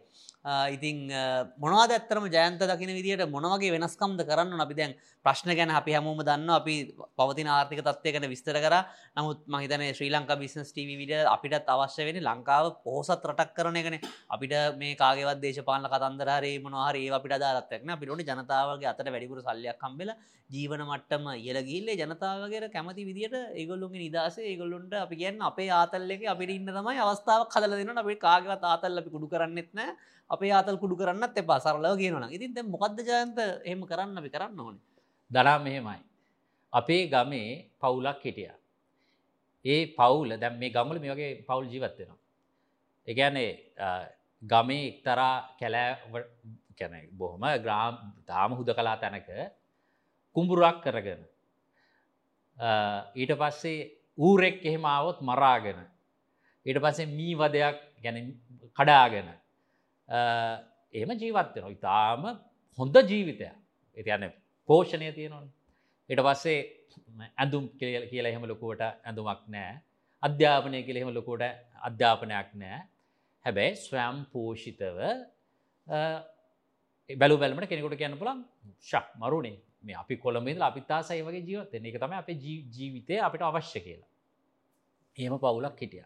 මට මතකයි දැන්නන්ගේ පවුලන අපි පොඩි කාල හිටිය. එතකොට එහෙම ජීවත් වෙන්න ලොකු සම්පත්තෝ නෑ නිදන. අපිට ඒ හුද කලා ආර්ථික පද්ධතිය ඇතුළේ අපිට එන්ජෝයි කළ ජීවත් වෙන්න පුළුව. හැබැ අපේ රටේ මිනිස්සු එහෙම කැමතිද. එහම කැමතිද ජීවත්වෙන්. අපේ පාර්වල්ලොල යනකොට ලංකාවේ දන පිටරටවල්ලොට ගිහිල තියෙනවා. දැන් තලවතු ගොඩ ඉඳලා රාජගිරිය පහු කරගෙන නෙළුම් පොකුණ පැත්තට එනකොට උදේට BMW කියක් එනවාද. එතකොට ලංකාවේ තියෙන වාහන වර්ග දැක්කහම සමහර සුද්ද ලංකාවට විලාහනවලු මේ යකෝ මේ රට මේ බංගොලොත් එච්චරටත්ද කියලා. එකන්නේ එච්චර සුකෝක බොහෝගී ජීවිතයක් ගත කිරීම සඳහා අපි කැමති එක කිසිම වරදක් නෑ දන. ඒක තමයි වෙන්න ඕනදේ. එතකොට අපිට අපි අපේ පරිභෝජනය අපි එන්න එන්නම වැඩි කරනවා. අපිට අවශ ලෝක අවශ්‍යතාත්ක අපි වැඩි වෙන අපි කැමති අපි ජීවත්වල ඉන්න කෙටි කාලය තුළ අවුරුදු මිනිස් බොහොම ක්‍රටික කාලයක් නමක ඉන්ජෝයි කරලා සතුටින් ජීවත් වෙලා මැරිල යන්නන හැමෝම උත්සා කරන නිවන් දකින්න කැමතිය ඉන්න ඉරවසේ ස්වාර්ගට යන්න කැමතියයින්න අර ගොඩක් මිනිසු කැමති මේ ලයි් එක එන්ජෝයි කලා එන්ජෝයි කරන ගැන සතුටින් ජීවත්තල මැරලයන්න එතොට ඒ තුළ අපිට අවශ්‍යතාවයන් විශාල ප්‍රමාණයක් නිර්මාණය වෙන.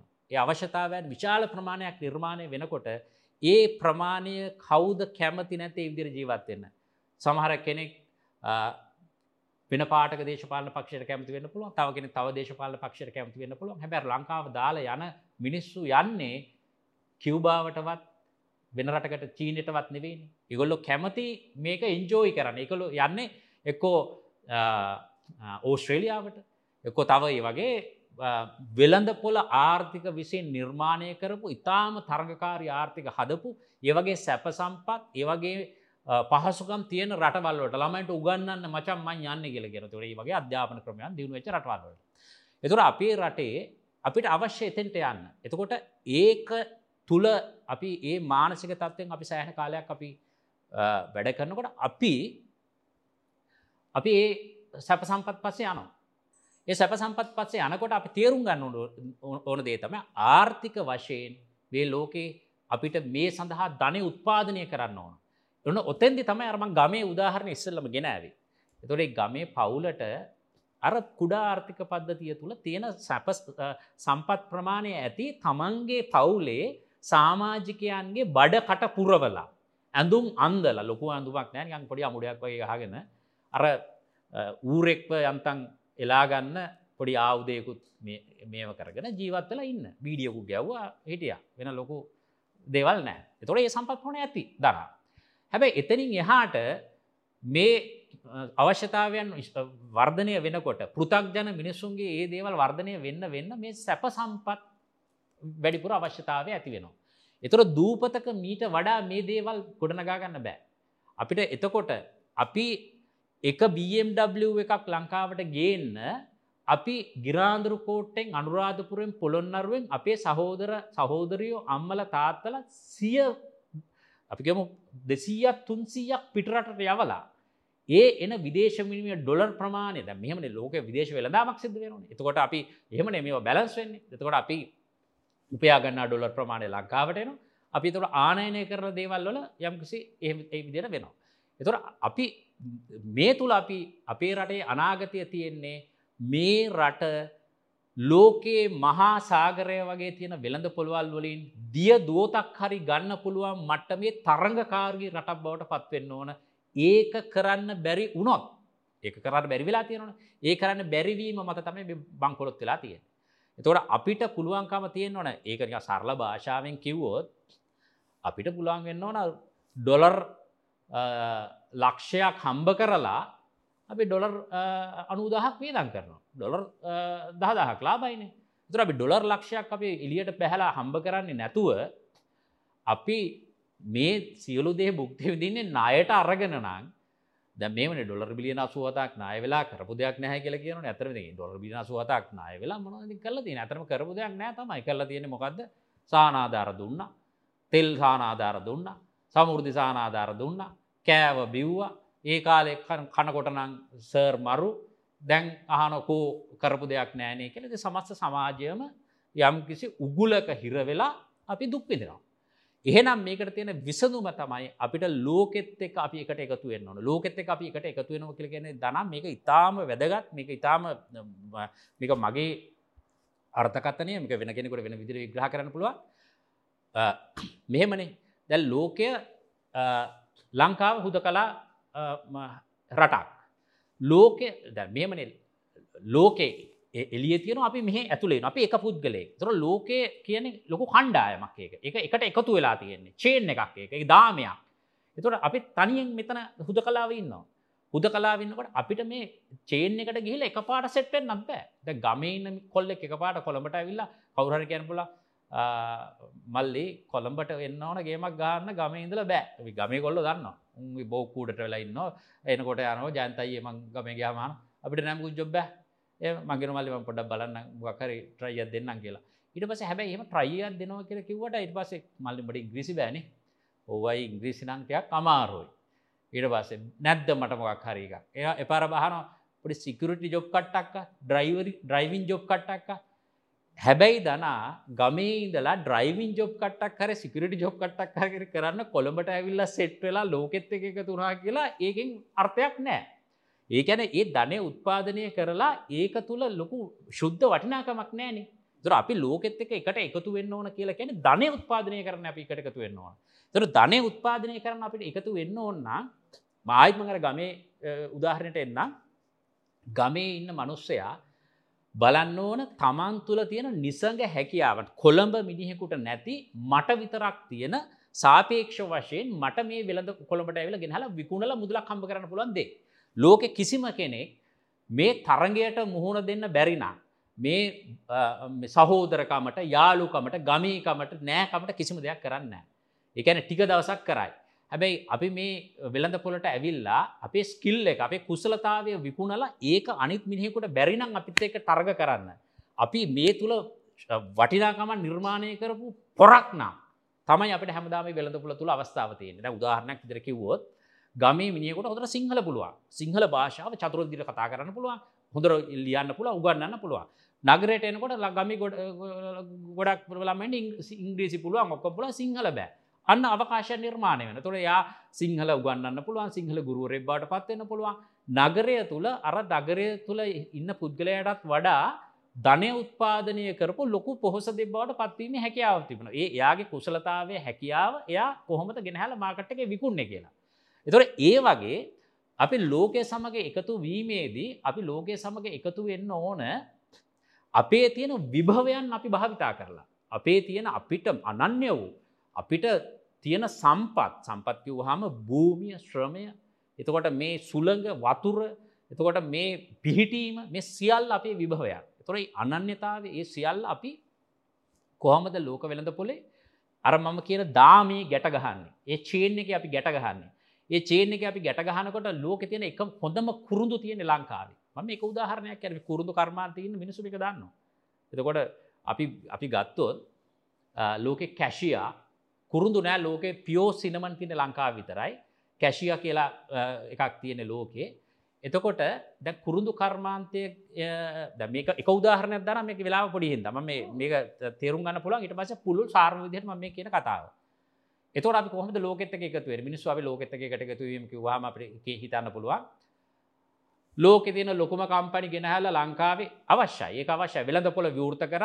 ලොකු ප්‍රාග්ධනයක් මේට ගෙනාව ලොකු ප්‍රාග්ධනයක් මෙහට ගෙනහල් ඉවර වෙලා ලොකු වෙළඳ සම ව්‍යාපාරිකයෝ විසි පස් දෙනෙකුට විතර ලංකාව දෙනවා විසි පස් දෙනෙකුට ව්‍යාවාර්දුන හම සල්ලිටි ඔක්කොම ලංකාවට නවා හැබැයි දනා එහෙම විවෘතවීමක් ගැන නෙවේ මම මේ කතා කරන්න. මොකද අපි ප්‍රායෝගික වෙන්න එප හැමදීම.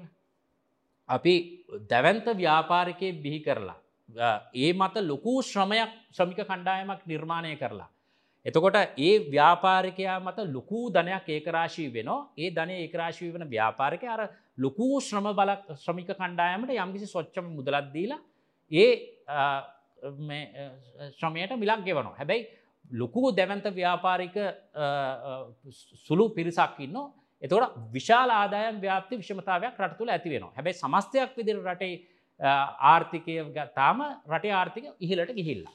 එතොට අපි පුළුල් විදිහට ඉතාම විචක්ෂණශීලී විදිහට බලනවනම් අපි ලෝකයට විවෘතවීම කෙන්දේ එතෙන්ට නෙවෙයි අපි යන්න ඕන. අපි ලෝකට විවෘත වෙන්න ඕන. අපි ලෝකට විවෘත වෙන්න ඕන මේ රටේ මිලියන විසි දෙකක ජනතාවගේ බහුතරයකට මේ සම්පත් බෙදිල යන විදිහට. එකන්නේ දුප්පත්කම බො බහුතරයකගේ නැති වෙන විදිහට. හැම කෙනෙකුගේම සාක්කුවට යම්කිසි මුදලක් එන විදිහට. එතකොට දෙම කුරුදු කර්මාන්තය ගැන උදාහරණය ගත්තහම කුරුදු කියන කර්මාන්තයෙන් ලංකාවට කොච්චර දේවල් කරන්න පුළුවන්ද. අපිට කුරුදු තියෙන ලංකාවේ විතරනා. කුරුදු පිටරට යවන්න පුළුවන්. එතකොට ඒ දැන් බල් විදියට යවන තොග විදියට යවන ඇබැයි එහෙම නෙවේ මේක යවන්න ඕන. අවුට අපි සිනමන් බ්‍රන්ඩයක් ලංකාවේ හදල නෑතාම බ්‍රෑන්් කරපු සිනමන් කොහෙද විකුණන්නේ? එතකොට අපි කුරුදු ලෝක වෙලඳ පොලට අරගෙන ගිහිල්ලා අපිට ලං ලෝක මිනිස්සු ආහාරවලට දාන්න මෙ ස්ටෙරිලයිස් කරන්න ඕන. මෙතුර ඒවට ලොකු ඉන්වස්මන්ට් ඕන. තුර ස්ටෙරිලයිස් කරල තමයි මේ මාගට සෝට දාන්න තුර ලංකාවෙන් අරගෙන ගහිපු පුරුදු කවරුහර වෙන තුන්ගනි තර්ඩ් පාටිකක් පිල්ලා මේවා ඒවිදිට ස්ටෙරිලයිස් කල මාකට් සොල්ට දාලා ඉගොල්ලො ඒවයින් සුන්දරම සල්ලි හම්බ කරනවා එතකොට කුරුදු ෆැක්ටර එකක් අපිට කරන්දනිය ඇල්පිටිය එතකොට මීටියා ගොඩ අකුරැස් රත්නපුරය මේ වගේ ප්‍රදේශවල කෝ කුරුදු ෆැක්ටරි කෝ අතරමැදිය මේ සූරාකණ එක නවත්තපු විදිහ. එතවට කුරුදු හරහා අප සිනමන් ටුවරිසම් එකක් අපට බිල් කරන පිස් ටුවරිසම් කෙනෙ ලංකාවට මේ සංචාර කර්මාතය සිද්ධ වෙන දෙයක්. තොට අපිට මේ ඉනෝවේෂන්ස් කරන්න පුළ අතට ලෝකයේ මේ අපි ලෝක ඇත්තක එකතු වෙන්න ඕන ධනය උත්පාදනය කරන්න ඒක තමයි මේ කරතින විසඳුම. ඒ හරහා තමයි අපි මේ ධනය අර කියන මිනිසුගේ සිතුම් පැතුම් ඒ ඒ දේවල් වර්ධනය කරන්න පුළුවන්. හැබැයි ඒ සඳහා අපි මේ වගේ ප්‍රවේශයක් තමයි ලබාගන්න ඕන. එතකොට අපිට දැන් අපේ තියෙන ගෝත්‍රික ලිම්මැඩි හුද කලා මානසික තත්වය තුළ දේශපාලක්ඥය මොකද නිර්මාණය කරන්න? දේශපාලක්ඥ සඳහන් කරනය තමයි සිංගපපුරු වෙළඳ ගෙසුම අපි ගහනකොට රෙද්ද උත්සගෙන පාරේ කිලෝමීටර් ගනම් මේ තරහ වෙන්න එපා. මේ වගේ භචන කිවට මේ ඇතරම බොක්කෙන් කනගාඩුවත්ත කියන වචන. කිලෝමීටර් ගනම් උද්ඝෝෂණය කරන තොරේ උද්ඝෝෂණය කරනකොට ඒ උද්ඝෝෂණයට යන මිනිහෙකුගේ තට්ටු කල්ලා පිටරයව්වාම මල්ලි අයිවා උද්ඝෝෂණයටයි රට විකුණනවලනේ අයියේ. ඕ මොකද රට විකුණන සිංගප්පූර්වට එතුට සිංගප්පූරුවවුන් ලංකාවට ඇවිල්ලා ජොබ් කරලා මේ රට විනාසවෙයි ඒ වගේ තත්ත්වයකට මේක පත්වේ කියලා. එතකොට අපිට බැරින ට්‍රන්ස් පෙසිෆික් පාර්ටශිප් එකට ඇතුල් වෙන්න අපිට බැරින සිංගප්පූරුවත් එක වෙළඳ ගියසුමක් එක එකට එකතු වෙලා මේ තරගයට මූුණ දෙන්න. අපිට සදා කාලිකව මේ අඳුර තමයි ඉන්න වෙන්න. අපිට කිසි දවසක මෙතරින් එලියට එන්න හම්බෙන්න. දේශපාලක්ඥයාගේ දරුව හැමදාම ඔක්ස්වර්ඩ් එකට ඇමරිකාවට හැම තැන්ගොලට යනෝ. ඒගොලොගේ සැදෑ කාලේ ලංකාවේ ගත කරන්නෙත්න ගොල අවසාන කාලයේදී ගොල ගොලන්ගේ මවබිම කරා යනවා. පොල්වත්ත බලන්නේ නොවගේ වත්තක පොල් කටන කාලට මේ තැනට ඇවිල්ලිවර වෙලා මේ මිනිස්සු ටික දිහා බලලිවර වෙලා පොඩි නියන් පොඩි සැලුට් එකක් දැම්ම අපි මිනිසුටත් සතුටුයි. අන්න මට මගේ මන්ත්‍රීතුම මාව හොඳ රඳුරන අන්න පියදාසය කියලවට කතා කර. ගෙදර ගහිල ගෑනු මනසටත් කියන හරි හරි හිතර ෆිට්ටයක් ඇතුනාවගේ හැබ අප පරම්පරාව තේරුම් ගන්න ඕන දේ තමයි අපි මේ ක්‍රමය වෙනස් කරන්න එහම වෙනස් කරන්නේ නැතුව දන මේ රට වෙනස් කරන්න බෑ. ලෝකෙත් එක එකතු වෙනමයි කියන එක මේ තරගකාරීත්වය මේ ලෝක හිඟකම ම පටන්ගත්තේ මගේ අදහස් දැක්වීම හිඟකම කියනදේ හිඟකම මත තමයි මේ ලෝකෙ හැම තරගයක් ඇති වෙලා තිබෙන්නේ. මේ හිඟකම මත මේ ලෝකේ මේ දූපත් හොයාගෙන ඇමරිකාව හොයාගෙන මිනිස්සු ගග මේ දේශාටකයෝ ගමන් කරත් ඒක නිසා. ලංකාව මේ හබ් එකක් බවට එකැන මේ ලංකාව අපි ට්‍රේඩිං හබ්යක් කියලගෙන අතීතේ එතකොට මේක මුතු මැනික් එතකොට ඇද්දාල අලියෝ පවා මේක ට්‍රේඩ් ුනා කියලකෙන මේක නිකන් කඩ වීදයක් කඩ මණ්ඩියක්. එතොට කඩ මණ්ඩියක ගමක කෙසෙල් කැන ගෙනහැල්ලා. එම නැත්තම් තමගේ එලෝලොටික පලතුරු ටික විගුණන්න ඒවගේ තැනක. එතකොට ඒවගේ තැනක එක විකුණනකොට මේ එතර පොඩි කඩපේලියක් හැදන එතර කඩපේලිය හැදුනාට පස්සේ එතන තේබෝන කඩයක් හැදෙනවා. ඉට පස්සේ එතන තමයි යම් යම්න්න දේවල් විකුණගන්නවත් පුළුවන්. එතොට ලංකාව කියන මේ භූමිය මේ උපායමාර්ගක වශයෙන් අපට ලැබුණු දායාද අපි එක පාවිච්චි කරන්නේ නැත්තා අපිට කවදාවත් මේ රට උත්සන්න බෑ ඉස්සරහට. එතකොට ඒ සඳහා ඇති තියෙන බාධකය මොකක්ද බාධකය තමයි අපිට කවපු බොරු දේශප්‍රේමය අපිට කවපු බොරු ආදරය අපිට කියනවා ඕස්ට්‍රේලියාව ඉන්න මිනිස්සු එංගලන්තය ඉන්න මිනිස්සු එහෙ ඉඳගෙන සියලු සැප සම්පත් බුක්ති විදින ගම මේ බල රැක ගනිල්ල මේ රට කියලා. එතකොට ෆේස්බුක් එක එහෙ පෝස්ට එකක් දාන ඒ කියනවා රයිට් මේ දෙන්න එපා මේ සිපට්කෝ එක නම් කාටවත්. කාටවත් මේ ඔයි රාජ්‍ය ඕ සම්පත් ඕ අපේ රටේ යව රැකගත යුතු හැබැයි ඇහු බැලුවොත්තේ ගොල්ලො ඉන්න වෙන රටක වෙන සැප සම්පත් බුක්තිය විදමින්. එතකොට පොඩි ආතල් එකක් තියනවා. ඒ ආතල් එක තමයි අර යම්කිසි ඒකන්නේ අපේ පෞරාණික අපි සමහරක් වෙලාවට මේ සමහර දේවල් තියෙනනේ අපි මේ සීයගේ ආච්චිගේ පරණගේ. එතකොට ඒක කඩන්න කැමතින එතකොට ඒක දැකලා ඇවිල්ලා ෆෙස්බුක් ෆොටෝයක් ගල ෆෙස්බුක් එක දාන මම අපේ සීය හිටපු තැන අපේ ආච්චි හිටපු තැනගෙන හැබැයි එතන රෑට නිදාගන්න එහම නැත්තං ජීවිතය ගත කරන්න එන්නේ නෑ. එතකොට හැබැයි ආපහු රෑට යනවා ආපහු කොළඹට හරි වෙන තැනකට හරි. ඒ වගේ මේ මිනිස්සුන්ව හැමදාම වියගහේ ගැටගහලා කරත්තේ හරක් වගේ දක්කගෙන ඒ යන මේ ආත මේක තාතල් එක කොළඹ පිටරටක මගේ යාළුවෙක් ඉන්නවා එංගලන්තේ. කාලෙකට සරයක් ලංකාවට නවා අව මාත්‍යකත් රවමක් යනවා. යනකොට මිනිහ මට වඩා මේ රටේ තියෙන මේ දුක එන්ජෝයි කරනවා. ඒකැන පොළවල් වල යනවා බාට කායලි දාගෙන තැන් තැන්වල රිංගනවා. ඒම කියලා කියන මචා කොච්චර කිව්වත් මෙතත් මේ තියෙනවා මචම් පොඩි ගතියක්. ඒ ගතිය හැබැයි ඒ සතියකට තම ඒ ගතිය තියෙන්නේ. සතියට ගතිය ගත්තට පස්සේ ඒක ඊට පස්සේ එක නැති වෙලා යනවා. පස එලියට ගිහිල්ලා ආපහු අර සමස්ත ජීවිතය ඒ විදිහට ගත කරනද අපි රටේ ජනතාවගෙන් අපි තරුණ පරම්පරාවෙන් අපි අහන්නේ අපි ඒ වගේ උගුලක පැටලිලා තවදුරටත් ගමන් කළ යුතුද කිය කාරණය. අපිට ලෝකෙත් එක එකතුවෙන්න ඕන කියන මේ කතාව මීහරකකුටත් තේරවානේ ඒගැන ඒත් ගැන ඒ තරම් පල්ලහ බුද්ධියත් තියෙන මිනිකුටත් අපි මේ කියන කතා මොකක්ද කියලා තේරනවා. කියන්නේ රටේ මිනිස්සුන්ට අපිට ඩොලර්න ඕන. ඩොලර් බිලියන අසූහතක් නයවෙලා තියෙනවන ඩොලර් බිලියන හතරිස් දෙක විදේශය පිටවල්ලට නයවෙලා තියෙන්නේ. ඒ ලංකාවේ ඩොලර් බිලියන හතරිස් දෙක රුපියල් ලින් හරි ගෙවාගත්තොත් ඉතුරු ඩොලර් බිලියන හතරිස් දෙක හත්තිලව් අපි ගෙවන්නේ කොස්සට කලින්ද ගෙවන්න අපිට? මේ කොහෙන් හරි ගෙවන්න ඩොලර් තියෙන්නේ පැ. තර ඩොලර් හොයන්න කොහොමද අපි? අපි ඩොලර් හොයන්න නම් පිටරට යන්න මෙනවා වතුරට බහැල් නැතුව පීනන්න පුළොඳ දන? මිනිස්සු පීනන්න නම් වතුරට බහින්න ඕන. ඉතින් මේ අපිට ලෝකෙත් එක එකතුවීම හැර විකල්පයක් නෑ. අපි මම මේ සඳහන් කරන්න අපි සිංගප්පූරුව කරාවගේ වියට්නාමි කරාවගේ කරන්න කියනක දෙවේ අපිටම වූ අනන්‍ය වූ ඒක ඒ ක්‍රමය මොකක්ද කියල එයි. හැබැ අපි බය නැතුව සිංගප්පූරුවත් එක්ක එතකොට දකුණු කොරියාවත් එක්ක ට්‍රන්ස්පැසිවික් පාර්න ශිප්ප එකකට එමනැතා ලෝකෙත් එක මෙහම අත්වල් බැඳගෙන අපි ගමන් කරන අපේ මිනිස්සුන්ට හැකියාවතිය අපට තරග කරන්න පුළුවන්. මෙම තරග කරන බැරිකමක් නෑ. සුද්ද ලංකාවට වහම ලංකාවි ගනිකාව්‍යාපාරය වර්ධනය වෙයිද?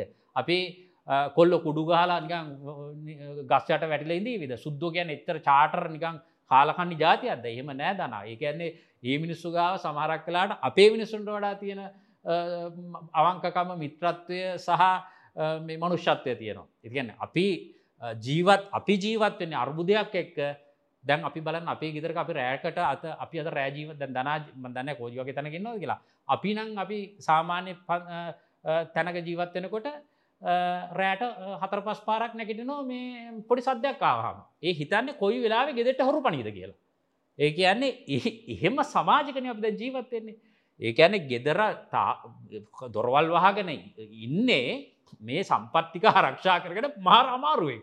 පට්ට අමාරුවෙක් මේක කොයි වෙලාකාරේ රෑට පැනල බෙල්ලට පිහත් තිලා අරගෙන පනින වගේ මට්ටමකට මේ සමාජ පරිහානයට පත්වෙලා. එහෙම වෙන්නේ රටේ සම්පත් ප්‍රමාණය මදි. මිනිස්සුන්ට ජීවත් වෙන්න මදි. එතොට මේක පුරවන්න ඕන මේ ටැන්කිය මේ ටැන්කිය පුරුවන්න වතුර ඇතුළි නැත්තම් මේ ටැන්කිය එලියෙන් කාගෙන් හරි පැනල පුරෝගන්න එකන ජියෝපොලිටික්ස් කලකැන් චීනු ගාන ජීනුත් එහෙමයි බල නුම් හිතන මේ රටේ මගේ බිලියන් ගානක මිනිස්සු ඉන්න මුන්ට කණ්ඩ බොන්න දෙන්න ඕන. අපි කොහෙට හරි පැනල මේක කරගේමක් ගල මේ අපේ ටැන්කිය පුරෝගන මුන්ට කන්න දෙන්නවා ඉන්දියන් කාරයෝ හිතන්නේ එහෙමයි. ඇමරිකන් කාරයෝ හිතන්නේ තේමයි ඇයි අපි විතරක් හෙම හිතන්න ඇත්තේ පුද්දුම කරුම කියන්නේ ලංකාවේ උන් විතරක් එහෙම හිතන්නේ නෑ උන් හිතන්නේ අපි කොහෙවත් යන්න ඕන්නෑ අපි අපේ රටේම දේවල් ටික තියාගෙන ජීවත්වෙන්න ඕන.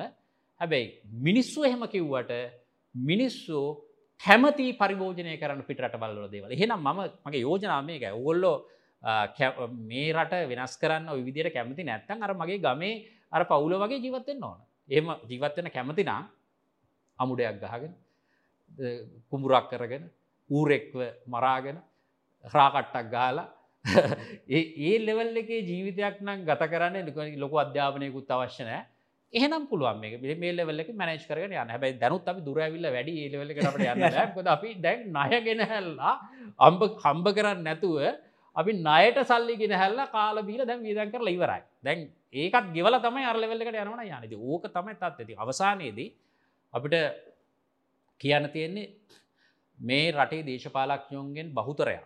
මේ රට රවට්ටල තමයි තියෙන් ඒ රවට්ටල තියෙන්නේ මේක මේ ආර්ථික දෘෂ්ටිවාදය වෙනසක්නේ දන මෙකැන මේ ආර්ථික දෘෂ්ටිවාදය වෙනස අප තේරුම් ගන්න ඕන කියන්නේ සමහරය අවංකයි රටට ආදරේ රටට වෙනසක් කරන්න කැමති.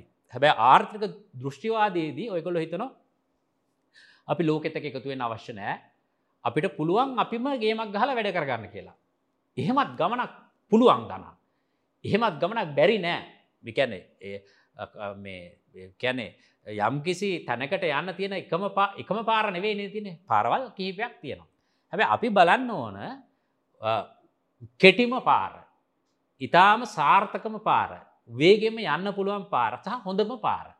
එතොට අපිට අපිම නිෂ්පාදනය කරලා තොර අපිම ලෝකෙට දේවල් කරලා අපිම රෝධ හදලා අපිම වාහන හදලා අපිම ලෝකෙට යවන එහෙම යුගයක් බැරි නෑ අවුරුදු පන්දාහක් විතර යයි. ඒ වගේ ලෙවල් එකට ගෙන එහෙම තැනකට යන හැබැයි අපිට මේ ලෝකයේ දියුණු වෙච්ච දේවල් ඒ දේවල් අරගෙන අතරමැදි තැනක අපි ඉන්න ශ්‍රී ලංකාවේ මේ භූමිය ද උදාරණයකතර ම තව මගේ මම එක්තරම් මනුස්සයෙක් මට කිව්වා ඉතාම් දැරුමත් තේරුමක් තියෙන ලංකාවේ පිහිටීම කොච්චර ප්‍රබලද කියලා කියනවනම් ලංකාවේ ශීතාගාර පහසුකම් හදන්න විදේශකයන්ට සමාගම්වලට අවසර දුන්නොත් ඔය විරල බඩ කලාපය තුළ ඔය මුහුදුවල අල්ලන මාළු ලංකාව ගෙන හැල්ලා ගබඩාකරොත් ඉතාම වේගෙන් මාලු ෆ්‍රෙෂ් දෙකැන මිනිසු කැමතිනේ මේ ෆ්‍රිජ්වල මාලු කුණු වෙලාකන්නට වඩා යම්කිසි අඩුමකාන දිනගානක් අඩුවෙන් හරි මාලු එක්කන්න ඉතාම වේගෙන් ලෝකයේ දකුණට නැගෙනරයට සහ බටහිරට යවන්න පුළුවන් ලංකාව ඉඳල කියලා. එතකොට එහෙම ඔපචුනිටියක් ලංකාව භූමිය තුළ තියෙනවා කියලා. තොට ඒ වෙළඳ පොළවල් විවෘත කරන කැනෙ දැ අපි කිවොත් දැ ඇමරික ශේතාගාර හදන්න එහම ලොකු එහම අවස්ථාවක් නෑ. එම විවෘත කළ නෑන. තුර ඒ ඒවා එතුකට අපි බයයි. අපි භූමි අල්ලගනීවී අපි මුශීතාගර හදන්න ඇවිල් අපි ගෙවල්ලටත් පනීද දන්නේ නෑ. දීමන කියන්න. දැන් අර කිවේ දැන් MCC කිවිසුම ගැන තිබුණු තර්ක මතකයිනේ. ඒ වගේ හුම්බස් බිය මේකට ගැන හුම්බස් බිය කියලා. ගැන දැන්ගො ගංගල මිනිසුම කතාව දන්න දැන් හුඹහාගාවින් යන උභාගනක දන්නනේ තුම්බස්ස තුම්බස ඉන්නේ නායා එතකොට තුම්ඹසක්ගාවින් යනකොට මිනිස්සු බයයි මේක ඇතුළේ නයෙක්කින්නවා කියලා. හැබැයි නයි නෑ මේක ඇතුළේ ගොඩක් වෙලාවට. ඒකැන ගොඩක් වෙලාවට මේ නයි නෑ හැබැයි මිනිස්සු බයයි හුඹස් බිය කියල කියන්නේ එකට එතකොට ලංකාවේ මිනිස්සු මේ හුබස් බියට බය කරලා තියෙන්නේ මේ දේශපාලක්ෂ ඒකට එක හේතුවක් තියෙනවා. ඒක තේරුම් ගන්න ඕන. මේ ක්‍රමය තියෙන්නේ මේ වැඩවසම් සමාජ ක්‍රමය තියෙන්නේ මේ නව රදල වාදී ක්‍රමය තියෙනකම් විතරයි. එතකොට දේශපා බලන්න හොඳට බම මේ ගෙන කතාව. මම නංවලින් ඕනන් කියන්න හැබැයි එක මෙතන උචිත නැතිද කියන්නේ නෑ. අපේ රටේ දේශපාල් අද පාර්ලිමේන්තුව තුළ ඉන්න පරම්පරා කියක් ඉන්නද පාර්ලිමේන්තුව තුළ. දැ එක්තරා දිස්ත්‍රික් එක සීය සීයගෙන් පස්සේ ඒ සීය යාගේ පුතා යාගේ පුතාගේ පුතා දැ ආයි පුතාගේ පුතා. එතකොට ලංකාව හරි රාජ්‍ය දක්ෂයන්ට තැන දෙන. එහෙම රාජ්‍ය බවට පත්වෙලා තිබුණනා. එහෙම වෙන්නේ නෑනේ. අපි බලන්න පුත්තලම ගත්තා. ගාල්ලෙ ගත්තා. මාතර ගත්තා. මහනුවර ගත්තා. ඔය දේශපාලනයේ ඉන්න ඔය කණ්ඩායම විතරයි.